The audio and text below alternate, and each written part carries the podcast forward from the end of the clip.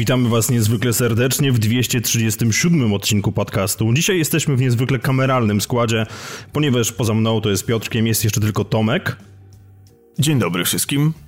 Dzień dobry lub dobry wieczór. Dzień dobry natomiast nie powie Wam Dawid, który ma chyba jakiś problem z gardłem ogólnie, coś się żalił. Nie wiem, Tomku, słyszałeś czy nie? No właśnie nie słyszałem, bo nie mógł mówić. No nie, ja już widzę, że ten odcinek będzie pełen sucharów. Do takich niskich lotów. Nie ma z nami także Roberta, który ponownie poleciał do Krakowa, żeby być fajny i e, jeść hamburgery we wnętrzach XVI-wiecznych McDonaldów. Poleciał do takie... Krakowa, żeby być fajny. Tak. Okej. Okay. No, tak mi się przynajmniej wydaje, że takie było założenie tej wyprawy.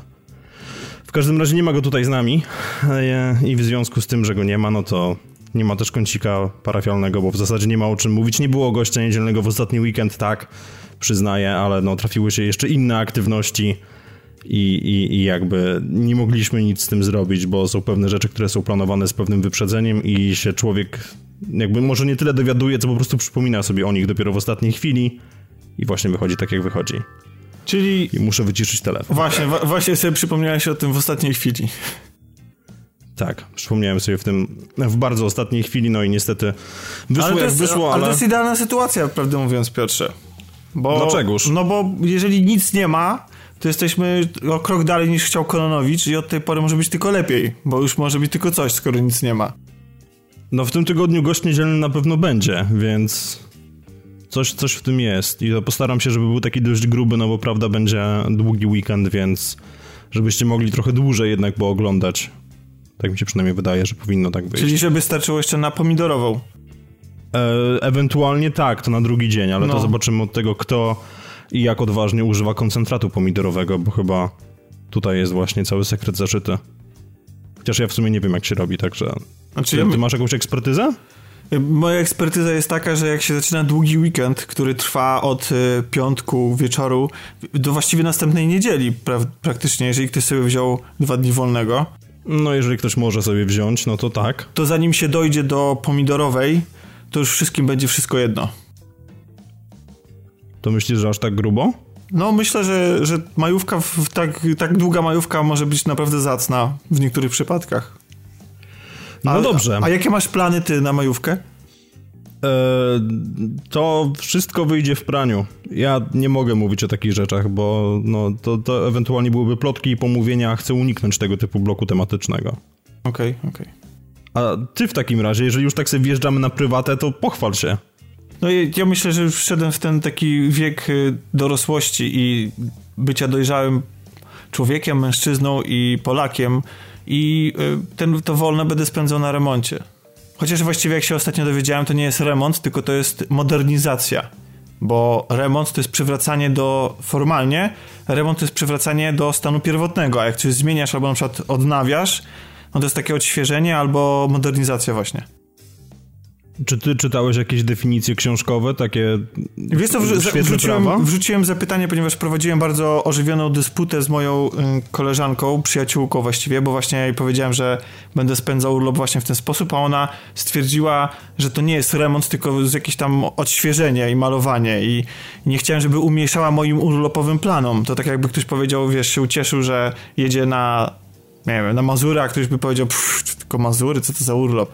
No więc y, dlatego zadałem na grupie rozgrywki pytanie, czy malowanie się zalicza do remontu, no i dostałem tak bogatą odpo- znaczy w treść odpowiedź, odpowiedzi różne, z, łącznie z cytowaniem jakichś artykułów, że się dowiedziałem, że nie, że jednak malowanie to jest malowanie, a remont to jest remont i w ogóle. No dobrze, no to, ale cieszę się w takim razie, że to wyjaśniłeś. E, na łamach naszego podcastu, to zdecydowanie na pewno pomoże wielu naszym słuchaczom w takiej normalnej, zwykłej ludzkiej komunikacji. Bo teraz, teraz unikną po prostu nieporozumienia, to jest bardzo ważne. Tak, w każdej chwili, kiedy... komunikacyjnych Łączmy niedzielmy. dobrze. Łączmy niedzielmy. Że co? łączmy, niedzielmy. A, okej, okay, dobra, usłyszałem niedzielny i się zacząłem zastanawiać o co chodzi ale to, to już może być coś nie tak to już, to już, Albo już zacząłeś ten długi weekend, nie? Nie, nie, chciałbym, ale niestety jeszcze nie. Dobra, myślę, że off-topów dość, różności społeczności też i przejdziemy teraz najzwyczajniej w świecie naszych wspaniałych tematów, a trochę się działo, bo trzeba powiedzieć, że nie było nas przez jakiś czas, w związku z tym, że Dlaczego nas... Aha, tak, bo mamy opóźniony ten podcast. Widzicie, już w ogóle wypadłem kompletnie z rytmu. W każdym razie nie było nas przez jakiś czas, bo po drodze były jeszcze jakieś dziwne święta. Dobrze mówię? Było tak. Tak było. Tak. Potwierdzam. Znaczy, związku... tak nie było właściwie, no. W sensie nas.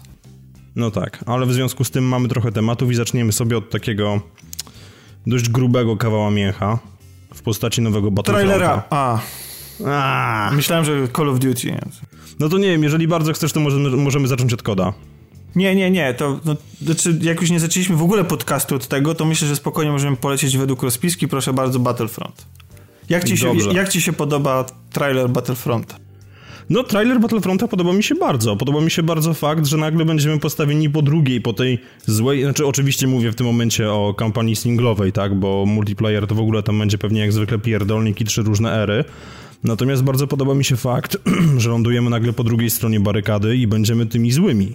To jest... Będą nam ukazane różne, różne lokalizacje, które między, pomiędzy którymi ma się znaleźć także um, taka utopia niejako imperium w postaci jednego z miast, więc no to się zapowiada naprawdę tak dość ciekawie.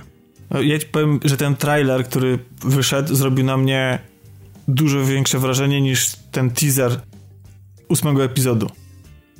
tak, prostu, tak? Tak, jest fenomenalny w ogóle to, że jesteśmy po ciemnej stronie, to, że jesteśmy laską ze służb specjalnych, to, że... Bo dla mnie na przykład w, całej, w całych Gwiezdnych Wojnach obecnie, dla mnie najbardziej interesujący jest ten moment, kiedy po epizodzie szóstym rozpada się Imperium.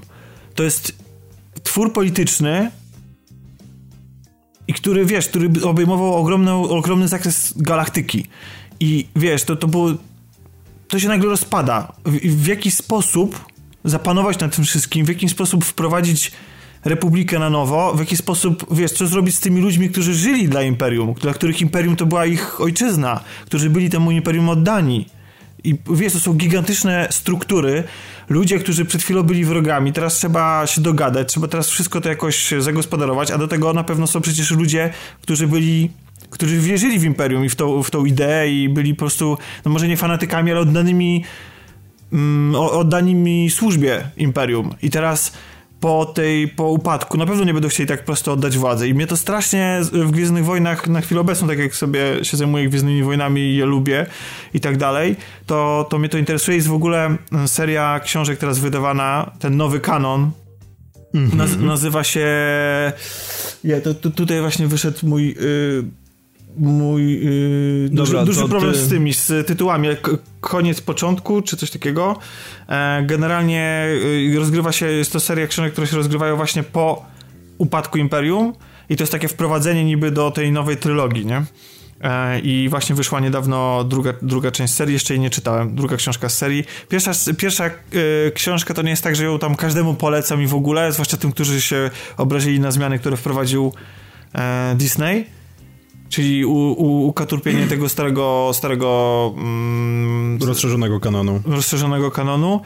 E, ale jest, nie jest, jest ok. Czytało mi się całkiem przyjemnie, chociaż e, dużo tam jest takiego. E, dużo jest, duży nacisk jest postawiony na te, te przemiany takie mm, związane z, z no z tymi rzeczami, którymi się zajmują tam tak zwani Social Justice Warriors, tak? czyli związanymi z, z równouprawnieniem, z, z różnorodnością, jeśli chodzi o, mm, o orientację seksualną, to, to, to się rzuca w oczy, że tam jest po prostu, że, to, że bardzo dużo mamy tutaj właśnie homoseksualistów i tak dalej, czy kobiet na wysokich stanowiskach, ale oprócz tego to się bardzo fajnie czyta i fajne są te momenty, w których poznajemy to, jak właśnie jak ten świat się zmienia, jak ci ludzie muszą stawić czoła temu problemowi. Więc w ogóle osadzenie tej akcji w, w tym momencie dla mnie to jest super sprawa, zwłaszcza, że za scenariusz odpowiada Podobno ma odpowiadać koleś, który... E, no współodpowiadać, tak? No, Bo współodpowiada, zdaje, tak. ktoś jeszcze będzie. Tak, koleś, który e, pracował przy jednej z najwybitniejszych... Tak, jednej z najwybitniejszych gier, jakie kiedykolwiek powstały, czyli Spec Ops The Line. Ale to jest w ogóle jeszcze ciekawe to, co powiedziałeś w tym kontekście, że przyznano już oficjalnie, że ta gra będzie kanoniczna, czyli to, co się wydarzy, jakby zostaje wpisane do kanonu znaczy, i... wiesz, że poprzedni, poprzednia gra też jest kanoniczna?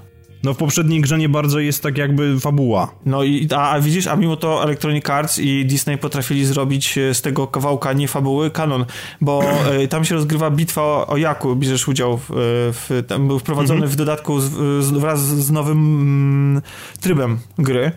E, bitwa o Jaku i to jest właśnie kanoniczna bitwa, która łączy się, to jest to historyczne wydarzenie i ta bitwa jest kanoniczna. Nie wiem w jaki sposób oni to, to jaka logika do, do tego doprowadziła, że tak właśnie jest, ale taka informacja poszła w świat.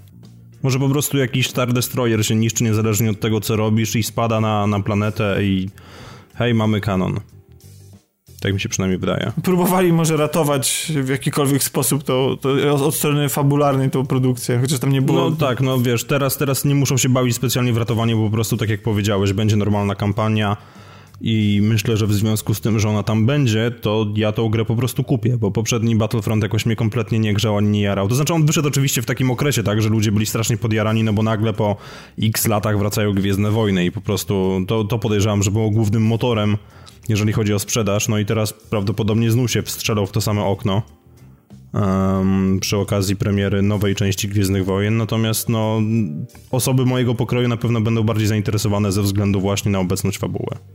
Nie wiem, ty, ty, ty już się rzuciłeś na preorder czy coś? Nie, czy no nie, nie, no ja nie preorderuję zasady gier. W, w, w mojej historii to jest ich tak niewiele takich przypadków, że coś zapreorderowałem. W ogóle pierwszą grą, którą zamówiłem zawczasu to była kolekcjonerka Wiedźmina 3. No i jeśli już mam coś e, preorderować, to właśnie rzeczy fizyczne, które wiem, że mogą być później niedostępne, typu właśnie kolekcjonerki, ale jeżeli ja wiem, że ja pójdę do sklepu i ja tą grę po prostu dostanę w pierwszy dzień, kiedy ona tylko wejdzie do sklepu, to jaki jest sens preorderowania tego? No, no chyba, wiesz, że... może, będą, może będą jakieś takie wspaniałe edycje specjalne, tak jak na przykład Fake Sporge, pozdrawiamy serdecznie, tak. zaprezentowało i to zresztą jakiś youtuber podchwycił i w ogóle zrobił wideo, że byłoby genialnie, gdyby EA zrobiło właśnie takie edycje specjalne, a one były takie dość grube, trzeba powiedzieć, bo się zdaje, że jedna z nich w ogóle zakładała, że znajdziemy w niej kompletny strój szturmowca. Ale no widzisz, to właśnie o tym mówię, to jeżeli to byłoby, miałoby być takie fizyczne coś, to tak.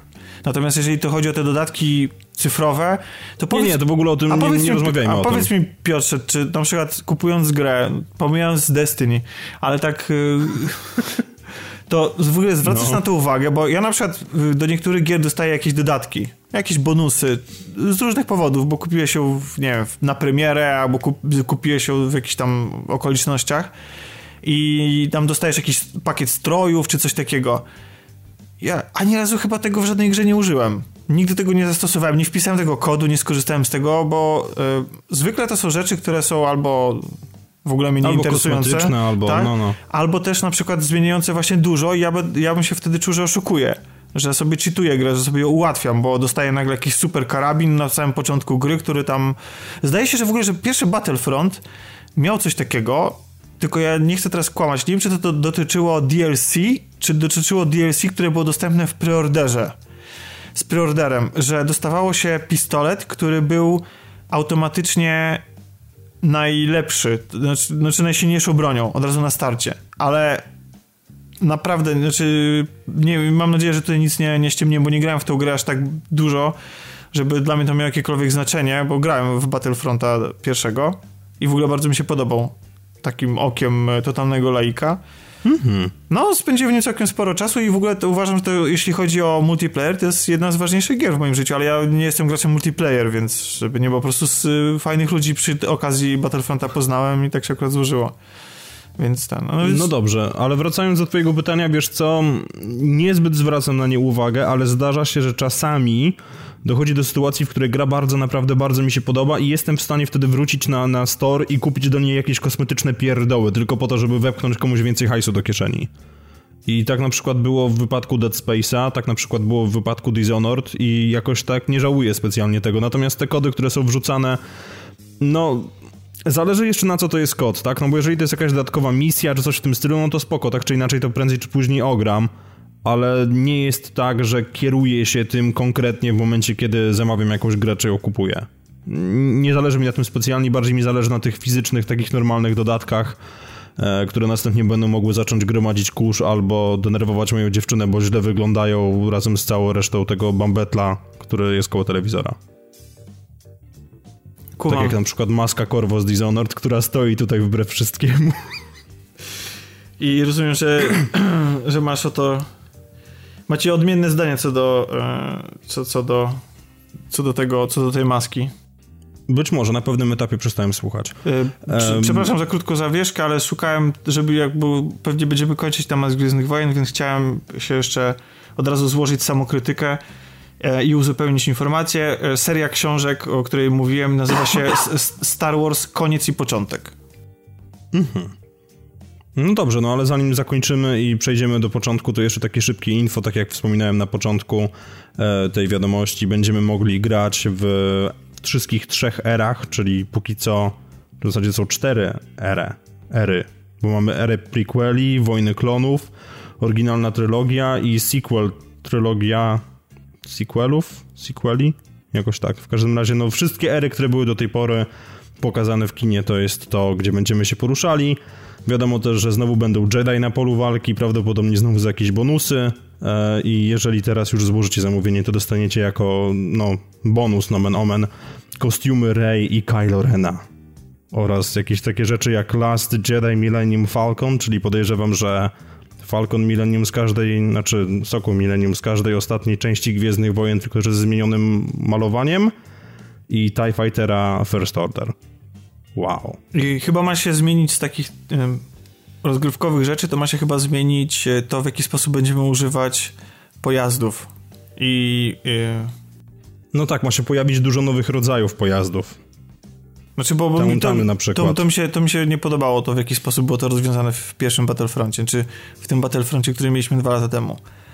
E, że to nie było tak, że wsiadasz sobie taki, do takiego pojazdu na polu bitwy, tylko odpalasz token, który tam znajdujesz. No teraz być może będziesz mógł, ponieważ ten, ten, ten wspaniały stwór, w którym Luke Skywalker na Hoth spędził noc uratowany przez Hanna Solo, teraz będzie właśnie jako jedna z, nazwijmy to, jako jeden z, nazwijmy to, pojazdów, środków lokomocji, więc no może też będzie można go rozciąć się w środku schować. Nieźle. I będzie ciepło, miło i przyjemnie. Albo i nie. No ja czekam, ja czekam. No ja czekam na więcej informacji, aczkolwiek wydaje mi się, że ze względu właśnie na obecność kampanii to kupię, tylko zobaczymy jak potem będzie z multiplayerem, no bo to, to już wiadomo, jest zupełnie inna sprawa i mi po prostu musi siąść i nie ma jakiejś takiej specjalnej reguły. Pytanie tylko, czy będzie reguła w wypadku nowego Call of Duty, czyli tego, który nosi podtytuł World War II chyba po prostu, taka druga wojna światowa. Nie, no on powinien nosić podtytuł Sami tego chcieliście. Ale ja się bardzo cieszę, że wróciliśmy do tematyki II wojny światowej. To może być pierwszy kod od czasów Modern Warfare 2, którego kupię. Bo tak, od tak dawno nie grałem w kod, o Jezu. Poza jakimiś betami. A czyli co, zrobił ci ten trailer? Zrobił mi ten trailer, bo jest cholernie widowiskowy i oczywiście tak, on pewnie będzie, sama gra się pewnie będzie koncentrowała na, na ponownie tak multiplayerze i będzie tam pierdyliard map w jakichś rotacjach i jakieś skórki i mapki i tak dalej ale kupiłbym i zagrałbym dla samej kampanii, bo może ona być dość widowiskowa, a ja jakoś tak łaknę tej drugiej wojny światowej. Co prawda, patrząc na to, co się dzieje na świecie, zaraz możemy mieć trzecią, ale no może jednak miło będzie sobie powspominać niejako za pośrednictwem konsoli, zanim do tego specjalnie dojdzie i Donald Trump nie będzie wiedział, czy wysyła tweeta, czy naciska przycisk do wysłania głowic nuklearnych. No ale to już inna sprawa. A Tomku, ty masz chyba trochę odmienne zdanie odnośnie tego zwiastuna. No, ja teraz będę trochę kontrowersyjny. Uuu. Ale, ale powiem zupełnie szczerze i nie zamierzam tego zatajać, że ten trailer mi nie zrobił. To znaczy, on udowodnił mi tylko, że jestem chyba w totalnej mniejszości, ale ja wcale nie oczekiwałem powrotu do II wojny światowej. Ja grałem w poprzedniej Call of Duty, grałem swego czasu bardzo mocno i w ogóle uważam, że jedną z dwóch pozytywnych rzeczy, jakie wniosły, wniosły ta seria w, mo, w moje życie, to jest e, kawałek Sympathy for the Devil, e, o którego istnieniu wcześniej nie byłem, e, czy nie wiedziałem, że taki kawałek istnieje, czyli kawałek mm -hmm. Rolling Stonesów, który pojawił się w słynnej misji w, w Wietnamie w Black Opsach. A druga pozytywna rzecz to jest to, że przez e, długi czas, e, jakiś tam czas byłem zainteresowany i bardzo wkręcony w II wojnę światową, w historię II wojny światowej. Oglądałem masę filmów, czytałem sobie i tak dalej z okazji wyjścia właśnie pierwszej i drugiej części Call of Duty. I uważam, że to, to, to były świetne gry, Natomiast teraz, z perspektywy czasu i po zobaczeniu tego trailera, no to jest druga wojna światowa, no. Znaczy, jak rozumiem, dlaczego ludzie się jarają i rozumiem, że ludzie są zainteresowani tym okresem historycznym i że też, a to może za chwilę sobie do tego przejdziemy, ale kumam, że dla kogoś to jest, e, to jest frajda, że się znowu będzie rozgrywała w tych realiach. Dla mnie to jest powrót do II wojny światowej, za którą chyba nie tęskniłem po prostu. No, nie, nie, tęskniłem w takim no. wydaniu, bo to jest po prostu. Ja, ja patrzę na. Patrzę na to i ja widzę po prostu no, Call of Duty. Tak gdyby Call of Duty 2, tylko tyle, że ładnie ubrane na nowe czasy, nie? I mm, może będzie ciekawa historia, ciekawa kampania, tak jak w ostatnim Call of Duty. Yy, więc nie, nie, nie, mówię, że to będzie zła gra, tylko nie narzekam, że znowu jest drugiej wojnie światowej, po prostu nie musi się wtedy, znaczy nie muszę tej gry kupować po prostu i tyle, jeżeli mi nie będzie pasowała, a i tak kupię, bo każdy Call of Duty kupuje. Natomiast yy, no nie, nie mam jakiegoś takiego, wiesz, nie zrobiło mi to, no, no nie, nie, nie dygnął, że tak powiem. Popatrzyłem na to i myślę, i cały czas miałem przed oczami trailer, że z tyłu głowy trailer Battlefielda 1 który mnie No ale to co, no który... to masz, masz już po prostu serdeczny dość lądowania w Normandii, czy... Nie, nie, nie, to po prostu jest tak, że jak zobaczyłem ten trailer, wiesz, Battlefielda wtedy, no to mózg rozjebany, nie? To było to po prostu fenomenalna muzyka, fenomenalnie wszystko zagrało, to było, było coś nowego, coś świeżego, przede wszystkim to był szok w ogóle, że to jest pierwsza wojna światowa. Teraz dostaliśmy przeciek z okładkami wcześniej, że to jest druga wojna światowa i wszyscy się chyba zdążyli oswoić z tą, e, z tą myślą. No i co? I to wygląda jak, jak Call of Duty w czasie II wojny światowej. Dlatego może mi tak bardzo nie zrobił. Ja nie mówię, że to będzie zła gra, tylko że zapytałeś mnie o, o opinię, o zdanie, to, to, to mówię, że nie jestem po prostu, nie, nie, nie, nie czekam z wybiekami na twarzy teraz do końca roku i co to będzie, co to będzie, Call of Duty yy, i tak dalej. No, zobaczymy. No okej, okay. ja, ja też z wypiekami czekać raczej nie będę, natomiast no, podoba mi się powrót do tematyki II wojny, chociaż i tak najbardziej bym sobie życzył po prostu, żeby ktoś w Sony tycnął kogoś innego i żeby powstał kolejny Resistance. Ale to, to są marzenia ściętej głowy. Więc e, myślę, że po prostu wezmę to, co zostanie mi rzucone i tak jak pierwsza wojna światowa jednak była dla, dla mnie trochę zbyt retro, tym bardziej te wszystkie nieśmiertelne konie i ludzie z szablą, którzy byli w stanie cię skosić niezależnie od tego, co robiłeś, to tutaj, tutaj, no szczególnie do mnie przemawia ta kampania, tak? Ja nie wiem, nie wiem, bo przyznam się szczerze, że nie wgryzałem się w szczegóły, bo ten trailer jakoś teraz wyszedł i te informacje się dopiero teraz pojawiły, tuż przed nagraniem naszym, ale zastanawiam się, jak w takim razie oni zamierzają rozwiązać to, że ostatnie Call of Duty były ultra szybkie i że miały masę tych gadżetów, tych wszystkich rzeczy, takich wspomagaczy i to pole walki było takie ultra nowoczesne i ciekawy jestem, jak przeniesienie do E, do, do II wojny światowej i do tamtego oręża i do tamtej technologii zrobi. Znaczy, jak oni to wykorzystają? Jak, jak sprawią, że ci ludzie, którzy grali w poprzednie części, te ostatnie części i je kupowali, się odnajdą w tym wszystkim i nie, nie będzie to dla nich zbyt wolna gra. E, ja w ogóle e, nawet pozwoliłem sobie na taki komentarz gdzieś tam na Twitterze, jak się był ten wyciek odnośnie tego, że to będzie się rozgrywało w trakcie II wojny światowej, że przy tym, czym się stało obecnie Call of Duty, może najlepszym rozwiązaniem byłoby to, gdyby się e, gdyby w warstwie multiplayera to było tak, że mm, ten Call of Duty to był po prostu taki mm, taki kreator właściwie, gdzie sobie wybierasz dowolną epokę i dowolne, dowolne uzbrojenie i w takich klimatach sobie walczysz. No bo ja nie się tylko boję... Mhm. No bo nie, po prostu nie wiem, czy coś takiego jest w ogóle, wiesz, możliwe, że sobie nawet fabularnie można to rozwiązać, jak to się dzieje już w tak dużej przy, przeszłości, w tak dalekiej przeszłości, że po prostu dzieje się to w jakiejś wirtualnej rzeczywistości, wszystko i te przygody przeżywasz w wirtualnej rzeczywistości, odtwarzasz jakieś realia po prostu i tyle, nie? No spoko, ja się tylko boję tego, że właśnie to, o czym ty wspomniałeś, tak, że do tej pory oni jakby od pewnego czasu sobie wychowywali tą swoją publiczność i owszem sięgali tam do, do, do jeszcze nie zaszczutych niczym serduszek trzynastolatków, nazwijmy to, ale wychowywali sobie tę publiczność właśnie robiąc takie egzoszkielety. No to było po prostu Michael Bay the movie the game, tak? No najzwyczajniej w świecie.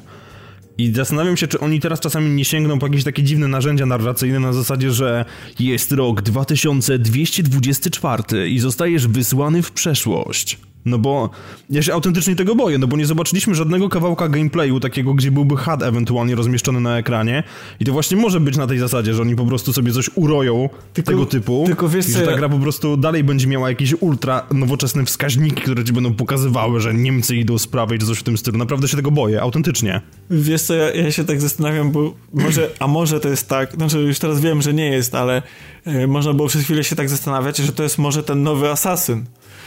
Wiesz, Activision... Też o tym pomyślałem. Activision, Też o tym pomyślałem. Activision łączy siły z e, Ubisoftem i tworzą Call of Duty Assassins, nie? Że, że, że masz e, właśnie tak jak asasyni przenoszą się do, za pomocą animusa do jakiegoś odpowiedniego okresu historycznego i tam sobie rozgrywasz batalię. Mhm. To znaczy, wiesz, no to już, to już w tym momencie wiemy, że będzie bzdurą. Znaczy, że jest bzdurą, tak i raczej do niczego takiego nie dojdzie. Może to i lepiej naprawdę ale podoba mi się fakt, że z tego co widzieliśmy przynajmniej na zwiastunie, tak, bo każda generacja konsol jakby przynosi za sobą swego rodzaju jednak nowe możliwości i podoba mi się to, że to jednak będzie największe i najbardziej widowiskowe lądowanie w Normandii, jakiego do tej pory doświadczyliśmy, czy możemy doświadczyć, w związku z czym jest taki fragment gdzieś tam w okolicach 40 sekundy powiedzmy, jak wychodzisz na tą plażę i masz ten grad dosłownie kul, które, le, które lecą. No szeregowiec Ryan, tak? Tak, dokładnie, ale właśnie chodzi o to, że to będzie teraz w takiej formie grywalnej i wydaje mi się, że to jednak będzie takie plus jeden w stosunku do tego, czego doświadczaliśmy odnośnie lądowania w Normandii dotychczas w grach wideo, no bo wcześniejsze gdzie było? Chyba jeszcze na PS2. Yy, e, nie, no, znaczy, jeśli chodzi o, to, o ten fragment historyczny, to mieliśmy go w Medal of Honor. Którym? No w pierwszym, nie? To nie było Znaczy, kiedy, kiedy o, o którym Medal of Honor ty mówisz? No, no pierwszym, prostu... pierwszym mieliśmy ten, ten lądowanie w Normandii. No okej, okay, ale kiedy ostatnio, w sensie na jakiej generacji? Czy to jeszcze była era PS2, czy to już była era PS3? O kurde. Ja, nie, ja nawet nie wiem, czy Medal of Honor przypadkiem na PSX się nie ukazał, a ty mnie pytasz... No wyszło na PSX tak, ten pierwszy tak, jak najbardziej, bo późniejszy Medal of Honor, który był tam promowany przez Linkin Parka, gdzie Mike Shinoda nie potrafił latać śmigłowcem, no to już była era PS3, no ale to był Irak i tak dalej. Natomiast tutaj mi właśnie chodzi o to, kiedy ostatnio byliśmy w Normandii, no to wy... w grach wideo i to chyba jeszcze będzie era PS2, chociaż nie wiem, czy no to trzeba z Xboxa 360 pierwsze Call. Trzeba byłoby pewnie jeszcze sięgnąć po takie gry jak tam e, mm, Company of, e, nie Company of Heroes, ale też Company of Heroes, czy ta, ta seria taka od e, od e, tych gości, kurde, od tego, od mm, tak. Od Borderlandsów, co oni zrobili wcześniej? Gearbox, o Boże. Eee, Brothers in Arms. O, dokładnie. Trzeba było jeszcze to sprawdzić. Czy to było tak, na konsolach? ale no nie zmienia to faktu, że dość dawno tam nie byliśmy i właśnie to może być takie bardzo chaotyczne i widowiskowe doświadczenie i chętnie po prostu bym to zobaczył. Zresztą tam jest pełno takich fajnych ujęć właśnie, jak leci desant cały, jak jest masa bombowców i tak dalej, i tak dalej, także to może być dość ciekawe, natomiast jeżeli chodzi, nie, co ja pieprzę, druga wojna światowa, chociaż to alternatywna wersja drugiej wojny światowej, no to w Wolfie mieliśmy.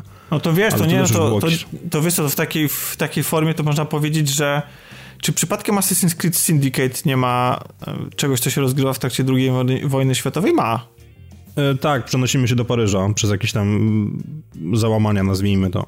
Tak, więc e, odwiedzamy ten okres historyczny co jakiś no czas. No tak, no ale to jest jednak trochę inny typ gry, więc może rzeczywiście po prostu zostańmy przy tym, że to naprawdę od dawna tam nie byliśmy i to może być taki dość ciekawy powrót tam, żeby zobaczyć ile rzeczy technologicznie się zmieniło i na co możemy sobie teraz pozwolić. Chociaż ze wszystkich gier drugowojennych to ja najcieplej wspominam i tak serię mm, Close Combat, czyli strategię od Microsoftu na PC-ty. To chyba też było dawno. Bardzo dawno, bardzo dawno, ale to była rewelacyjna strategia i pamiętam, że w demo, zanim zagrałem w ogóle w, w pełną wersję, to w demo grywałem do nieprzytomności. Dostałem chyba z okazji jakiejś kupna um, drukarki czy czegoś takiego. Bo było demo tej, tej, tej gry i zakochałem się w niej totalnie. Rozumiem. Dobrze, no to wiesz, teraz mi się wydaje, że odnośnie zakochania, stosując płynne przejście, o którym nie powinienem mówić, ale i tak to robię, Wydaje mi się, że wszyscy w podcaście jesteśmy zakochani w Preju. W mniejszym lub większym stopniu. Powiedzmy, żebym się obrócił za nim na ulicy. Mhm. Dobrze, to powiedz mi, czy w takim razie pobierzesz wersję demo. Oczywiście, że tak. Po to tylko, żeby zapewne się przekonać, że jest to gra nie dla mnie. Czyli nie składałeś preordera? Nie, nie składałem preordera. Wiesz co, ja nie wiem, do momentu, w którym ktoś mi nie powie, czy to jest System Shock, czy to jest Bioshock, czy to jest Out, y, Outlast, Czy to jest Dishonored? Czy to jest Dishonored, to ja się na razie wstrzymuję, bo jeżeli to jest Outlast albo inny Resident Evil czy coś takiego, to ja, to ja nie chcę. Bo... To znaczy tak, e, w momencie kiedy tego słuchacie, jest przynajmniej 27 kwietnia, bo nagrywamy to 26, e, więc powinniście już mieć to demo dostępne, ponieważ one właśnie 27 miało się pojawić na wszystkich storach i innych marketplace'ach, więc będziecie mogli sobie je po prostu ściągnąć i najzwyczajniej w świecie poświęcić godzinę, czy, czy nawet więcej, tak, bo wiemy, że demo zawiera pierwszą godzinę gameplayu, ale będziecie mogli poświęcić trochę czasu na zapoznanie się z tą grą i ja się tylko obawiam, że to nie będzie do końca wymierne, bo z tego co oglądałem jakieś tam urywkowe materiały związane z tą grą, które właśnie przedstawiały początek, to wyglądało tak, że łaziliśmy po jakimś dziwnym ośrodku do testowania i kazali nam wcisnąć przycisk między innymi, więc jeżeli mamy przez godzinę wciskać przycisk, to ja pierdzielę. Ale no właśnie, znaczy w ogóle, w ogóle to hmm? fajnie, że są wersje demo, to właściwie to nie są wersje demo, to są jakieś triale, tak, które nam pozwalają odpalić po prostu kawałek gry. Tylko nie wiem ile to jest zachodu i problemów w tym, no pewnie sporo jest zachodu, no bo bo trzeba było e, jakoś przygotować specjalnie tę plikę, tak po prostu pewnie zaciągasz grę na swój dysk i po prostu możesz w nią grać przez określony ok okres, bo mm, to jest właśnie w przypadku współczesnych gier jest problemem to, że fajnie, że są te demo, ale te demo są, pokazują ci tylko początek gry, że możesz sobie pograć 2-3 godziny, a czasami jest tak, że te gry się bardzo mocno zmieniają po tym, po prologu. Chociażby patrząc, nie wiem, na Mafię, która przecież też ma demo, nie? I, e, i, i to demo może wprowadzać e, w błąd, bo gra przez pierwsze 3 godziny jest rewelacyjna, ale nie jest, jest zupełnie nie tym, czym jest później, przez resztę rozgrywki, przez kilkadziesiąt godzin. Więc e, jeżeli z tego, co ty mówisz tutaj, że jeżeli początek gry wygląda w ten sposób, że to jest przygodówka środowiskowa, że chodzimy znaczy, tylko... Nie, nie, ja broń Boże nie oglądałem całego tego gameplayu, A, tak? Okay. Może też wyjaśnijmy sobie to. Ja stwierdziłem, że nie będę po prostu sobie spoilował, bo trochę za długo czekałem na ten tytuł, żeby teraz obejrzeć sobie pierwsze 45 minut na YouTubie jak jakiś pacan. Więc widziałem tylko fragmentarycznie, tak po prostu jak pisałem do gościa niedzielnego materiału i przeskakiwałem sobie tam co 5 minut, żeby zobaczyć jakieś ujęcie. Aczkolwiek no demo na pewno ściągnę i ogram, pomimo faktu, że już złożyłem preorder. nie no, jeżeli to będzie coś, bo na System Shocka to nie liczę, bo to nie te czasy. To raczej nie ma szans, żeby to była gra tego typu. Zresztą to widać nawet już teraz, że ona nie jest taka. Ale jeżeli to będzie coś ala Bioshock, no to wchodzę w to, jak najbardziej. Ale jeżeli to będzie horror, taki horror, horror, to, to chyba nie chcę. No nie wiem, ja chcę i ja dalej się upieram przy tym, że widzę tutaj jakiegoś takiego delikatnego, duchowego spadkobiercy Dead Space'a z tymi czarnymi marzami, które wskakują ci na twarz. E, w związku z czym no, zaryzykowałem i złożyłem preorder, ale jeszcze nie jest opłacony, więc jeszcze nie popełniłem grzechu ciężkiego. Niemniej no, pokładam wielkie nadzieje w Preju. Ja w ogóle mam jakiś taki dziwny nie wiem, strasznie się jaram alternatywnymi historiami. I tak jak właśnie Resistance'a kocham za ten timeline i to, co się tam dzieje, tak tutaj strasznie mi się też podoba to, że oni poszli o krok dalej, że Kennedy nie zginął i po prostu jest wielki pierdolnik w kosmosie w okolicy Księżyca, więc no... To z tego, z tego naprawdę... powodu, że Kennedy nie zginął? Mm, że tym się jaram, czy z tego powodu jest pierdolnik w kosmosie? Nie, no z tego powodu jest pierdolnik w kosmosie. No z tego powodu, że po prostu on według tej alternatywnej osi czasu po prostu zaczął inwestować chore pieniądze w program kosmiczny i to wszystko się, no, jest no, znacznie bardziej rozwinięte niż obecnie. A to nie jest po prostu jakiś taki punkt wyjścia nieistotny tak naprawdę dla fabuły? Że ktoś... To pewnie jest, ale to nie, nie, nie szkodzi, ja się tak jaram. Okej, okay, no dobra. Okej, okay, bo myślałem, że tam, wie, że będziemy faktycznie się zajmować jakimiś alternatywnymi realiami historycznymi typu właśnie chociażby Wolfenstein. No nie, no chyba aż, aż tak grubo to raczej nie będzie. Pytanie, i tak jeszcze zostajemy przez moment w kosmosie, czy grubo będzie w tym, o czym głoszą plotki, a więc Alien Isolation 2. Ty nie grałeś tam, z tego co się orientuję. Jedynkę, no po moim stosunku do horrorów pierwszoosobowych w kosmosie możesz e, wywnioskować, czy grałem, czy nie. Mm, ukończyłeś, rozumiem. tak, splatynowałem splatynowałeś usuwanie tego z dysku, dobrze. Ja grałem i mi się strasznie podoba klimat tej gry. Mi się on podobał po prostu, srałem w gacie, nie, nie oszukujmy się, że porty były zmieniane naprawdę jak leci, ale ogólnie klimat tego i to jak ten cały nurt retro sci-fi został tutaj ujęty, te klękanie z detektorem ruchu po prostu po jakichś szafkach i tak dalej, to było rewelacyjne i naprawdę jaram się tym, chociaż trudno jest się jarać faktem, że jest plotka o tym, że mogą coś zapowiedzieć, ale bardzo bym sobie życzył, żeby rzeczywiście zapowiedzieli kontynuację. Bo tak jak horrory, no ja mam dość specyficzne podejście do horrorów, ponieważ one bardzo rzadko mnie straszą de facto, bo tak jak na przykład ostatni Resident, to po prostu spłynął po mnie jak po kaczce i życzyłem sobie, żeby naprawdę był trochę, trochę straszniejszy, bo no jakby nie, nie było jakiegoś takiego momentu, ja to nazywam momentami prądotwórczymi, bo w momencie, kiedy widzę w grze wideo coś, co mnie autentycznie jakby przeraża, to czuję tak, jakbym przełożył sobie 9V baterię do języka. Nie potrafię tego wyjaśnić, ale tak się po prostu dzieje, no. Ja, tak odczuwa, tak ja odczuwam emocje w innej części ciała. Jak mi coś przeraża w grze. Nie wiem, czy chcę pytać w jakiej. nie, no ale znaczy... By, podobno ten Alien był fajny, chociaż miał jakieś problemy, bo był podobno za długi. Taki za bardzo rozwleczony, ten pierwszy. Ale fajnie, że fani dostali dobrą grę o Alienie, chociaż ja osobiście wolałbym chyba coś w stylu Alien vs Predator. Bo pamiętam, że to była jedna z najstraszniejszych gier, w jakie grałem i była gra, na której rozwaliłem myszkę. Bo, bo, bo, bo to takie napięcie tam było, że, że, że zagrałem w tą grę i tam w pewnym momencie był taki motyw, że mm, był długi korytarz i coś się zbliżało i ja wyrzuciłem wszystkie te świecące takie patyki.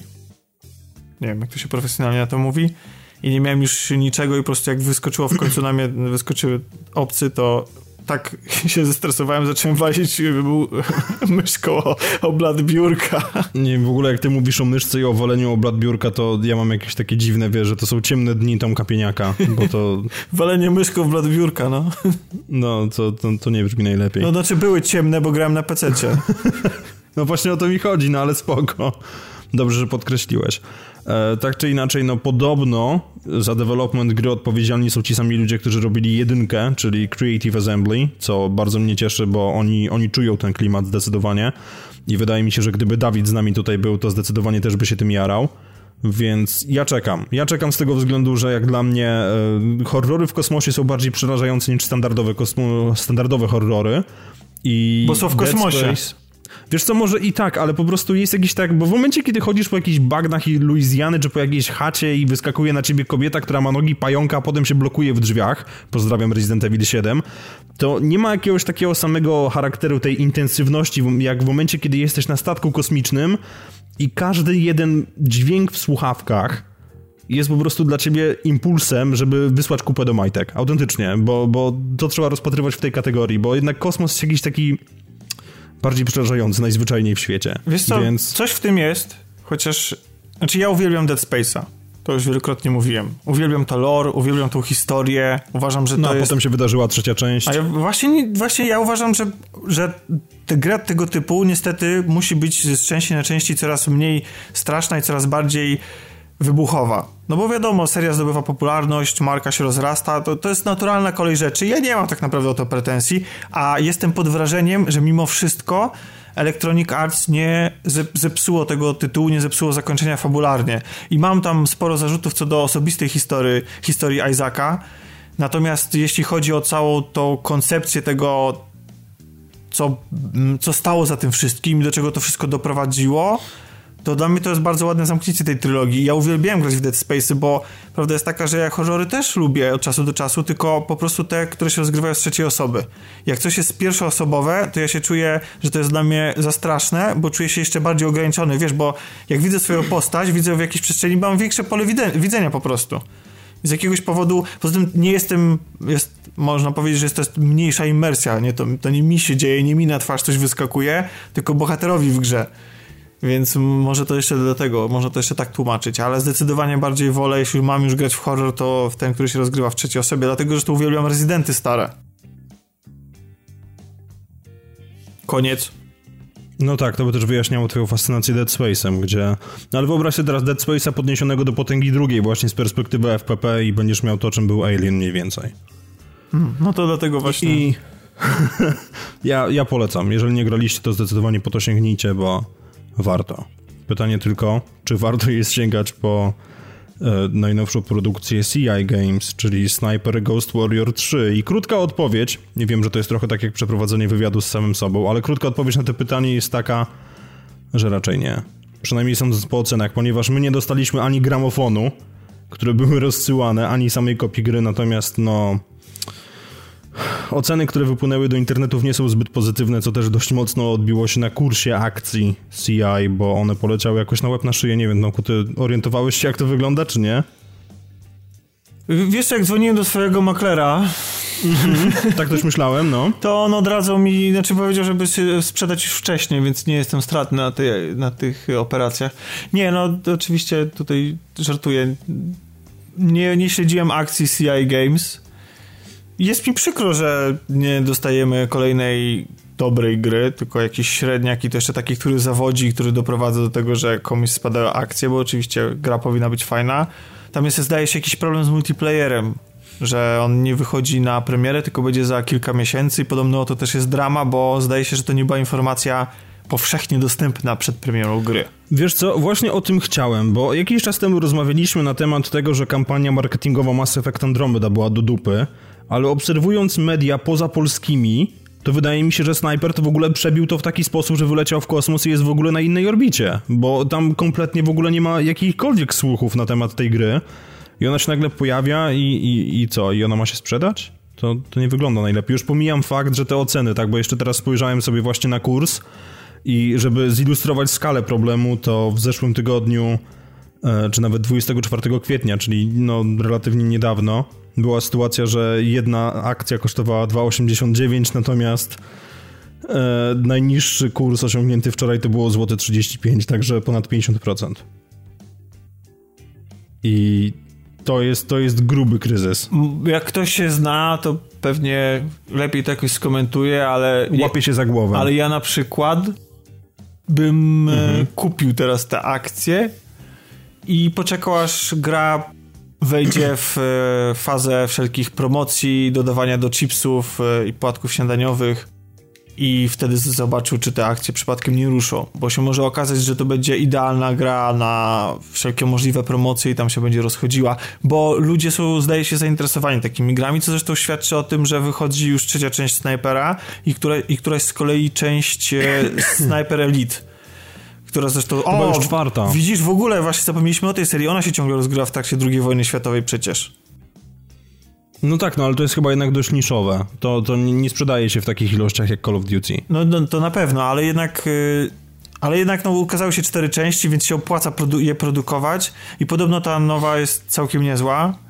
Wiesz, ja nie chcę nikogo obrażać, ale zawsze znajdzie się jakaś nisza pojebów, która będzie nawet jeździła czołgami we free-to-play, więc no... Ale wiesz co, y, mi się... No to faktycznie nisza. ale, ale wiesz co, patrząc na to, bo jak ktoś chce grę o snajperach, to dla mnie z perspektywy nuba i człowieka, który nie gra w multiplayer, to Battlefield to jest gra o snajperach.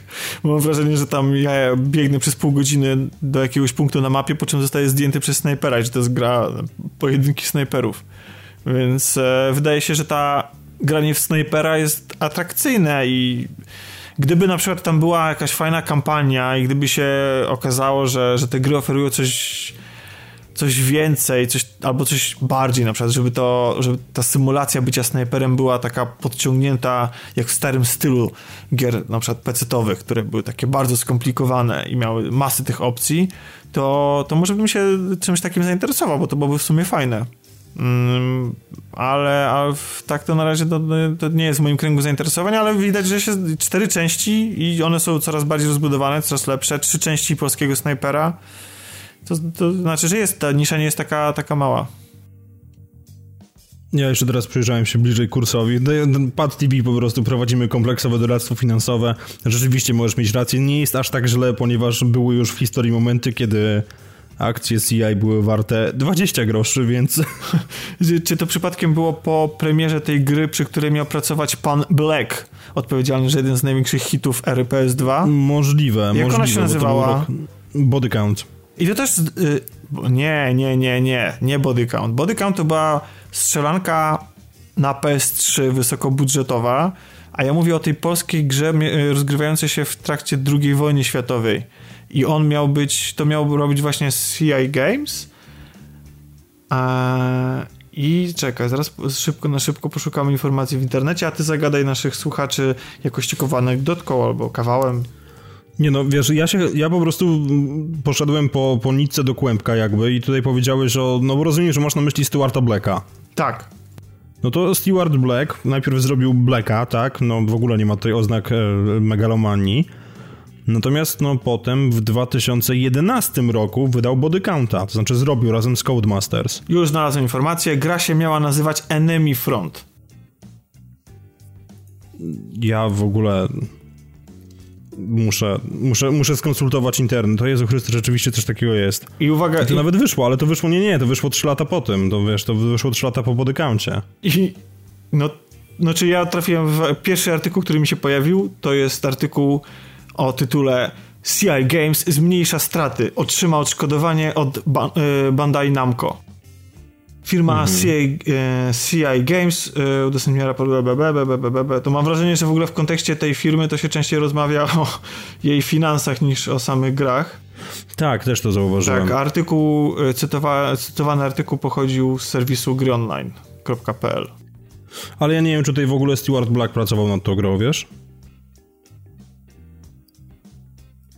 Nie, masz rację, tak, rzeczywiście. Był oryginalnym producentem, ale odszedł, więc to mniejsza o to. No, zrobił jedną dobrą grę, potem dwie zepsuł, także bilans ma na minus i, i wychodzi w sumie jak CI Games trochę.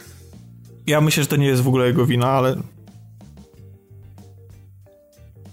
No nic, dobra, nie, skończmy już dysputy o, o, o rynkach i tak dalej i o wartościach papierów, no, o papierach wartościowych, bo podejrzewam, że słuchacze już zasnęli, więc budzimy was teraz na sam koniec e, segmentu newsowego radosną informacją o tym, że jedna z konsol, które miały absolutnie chory popyt, czy wskaźnik popytu, czyli NES Classic Edition, został wycofany ze sprzedaży.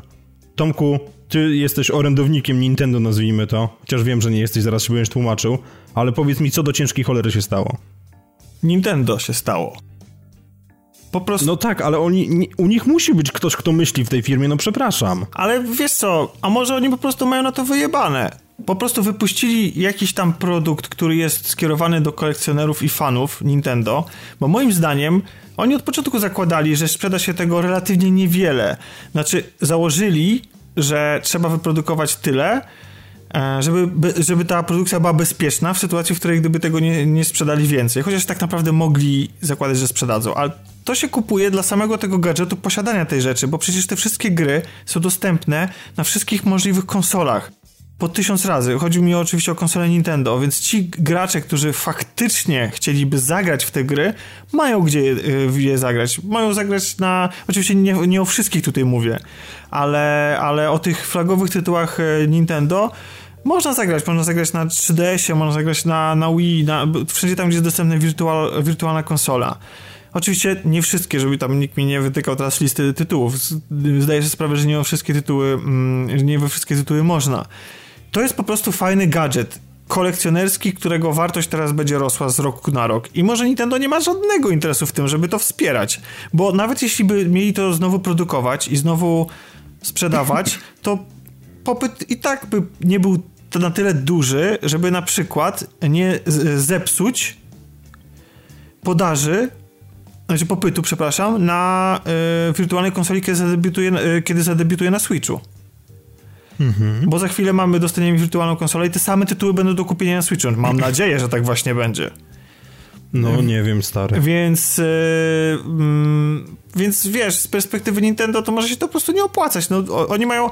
To jest firma, która bardzo lubi się w budowaniu wizerunku ekskluzywności swoich produktów i braku dostępności. Bo to, że na przykład NES Mini jest niedostępny, to jeszcze mogę sobie tłumaczyć właśnie tym, że po prostu założyli sobie, że tyle im się opłaca, a wznawianie tej produkcji nie ma sensu. Ale to, że na przykład nie ma Amiibo na rynku, coś, co powinno być, gdzie rynek powinien być zalany tym, tak patrząc na to e, jakoś tam logicznie wydawałoby się, że, że, że powinny, powinniśmy się potykać o Amiibo. Ja wyczuwam nutę żalu. E, nie, ja akurat miałem to szczęście, że sobie kupiłem e, Amiibo, które chciałem przed tym, jak zniknęło z rynku. Natomiast no, wydaje mi się, że taki towar, który jest de facto DLC, znaczy dobra, nie jest, znaczy jest czymś, y, jest figurką przede wszystkim, ja kupuję dla figurek, ale jest to figurką plus DLC i ludzie na przykład kupują ją do Zeldy, dlatego, bo są zajarani grą, ale też dlatego, że ona daje tam jakieś rzeczy w tej Zeldzie i fajnie sobie pojeździć Eponą, w ogóle oni przypisali jedną z najbardziej e, fajnych rzeczy, które te Amiibo dodawa- e, współpracujące z Zelda dają i one przypisali do jednej z najmniej dostępnych na rynku figurek. To jest, I w ogóle te, te figurki mają być podobno w sierpniu, wrócić na rynek. To jest absurd totalny. I nie wiem, jak to wytłumaczyć poza no nie mam pojęcia, jak to wytłumaczyć. Oni po prostu, nie wiem, mają chyba za dużo pieniędzy i uznają, że mogą się bawić na rynku, po prostu robić sobie co chcą, bo nie wiem, jak, jak wytłumaczyć fakt, że tych figurek nie ma i... Bo tak jak mówię, samo, sam NES Mini może faktycznie ich, z ich obliczem by wyszło, że ludzie tak mówią, żeby kupili, ale może by to się nie sprzedało w takiej ilości.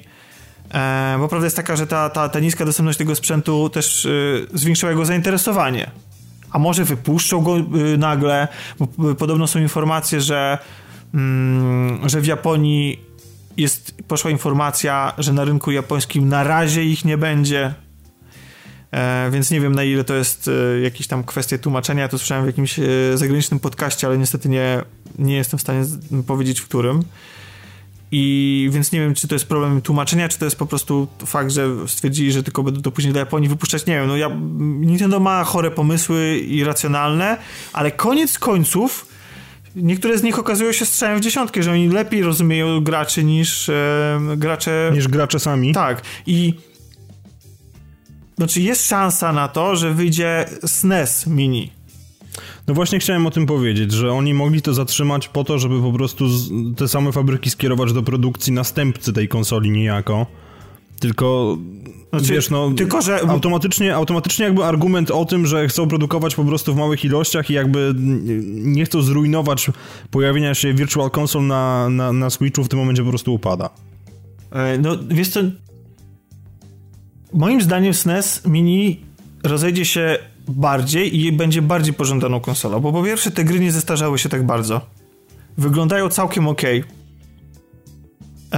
I... No filtr Nintendo widzę, że się uaktywnił. Nie, no grałem teraz z okazji nowej Zeldy, na przykład odpaliłem sobie Link to the Past i w to się da grać normalnie do tej pory, a Super nie, Metroid uznawany za w ogóle chyba najlepszą grę, jaka wyszła na, na SNESa, to jest gra mega grywalna do tej pory. W nią się świetnie gra, ona się niczym nie różni od y, późniejszych 2D Metroidów i jest naprawdę świetnie się w nią gra i, i nie wiem, no to, to są gry i mało tego, to są gry, które, y, z którymi się wiąże, wiąże więcej nostalgii niż z tymi z, z NESa, bo pomijając y, Super Mario 3, które było na, na, na NESa jeszcze, to właściwie wszystkie te najbardziej kultowe na zachodzie części gier wyszły na SNESa. To jest właśnie tak wspomniany przeze mnie e, Link to the Past, mhm. Super Metroid, plus do tego, e, o ile czegoś nie, nie przekłamuję, ale ukazało się Final Fantasy VI. Najlepsza według niektórych część Final Fantasy. E, I... No zanim Square się pokłóciło z Nintendo. Znaczy, no tak, no ale ludzie tam dyskutują, ja nie jestem fanem, nie znam się, ale generalnie są głosy, że część ludzi twierdzi, że Final Fantasy VI jest najlepszą częścią, a część twierdzi, że siódemka jest najlepszą częścią, no nieważne, no w każdym razie... Nikt nie ma racji. No. W każdym razie jest to część, która jest na pewno objęta jakimś tam kultem, na pewno bardziej niż te, y, które, niż jedynka, dwójka i tak dalej. E, Chrono Trigger więc te wszystkie kultowe JRPG też się z, tego okresu e, wywodzą, więc moim zdaniem ta konsola ma dużo większy potencjał na lepszą sprzedaż niż NES po prostu. Bo patrząc nawet na te gry, one wyglądają ładniej obecnie niż e, te, te NES-owe. A prawda jest taka, No dobra, że, czy, no, czy jeżeli się pojawi, to kupisz? NES-a? Jeżeli tak. będzie w... Znaczy SNES-a. SNES-a, przepraszam, SNES-a? Jeżeli, będzie, jeżeli będzie w rozsądnej cenie, tak. Ale cena powyżej 300 zł to nie jest rozsądna cena. No wiesz, no tutaj też jeszcze dochodzi kwestia tego, jak to było importowane do naszego kraju, no bo oryginalna cena tej konsolki, no to było 60 dolarów, więc no to jest cena jednej, jednej premierówki, tak? Więc... No dlatego właśnie no. mówię, jeżeli to będzie kosztowało powyżej 300 zł, to nie ma, nie ma opcji, no.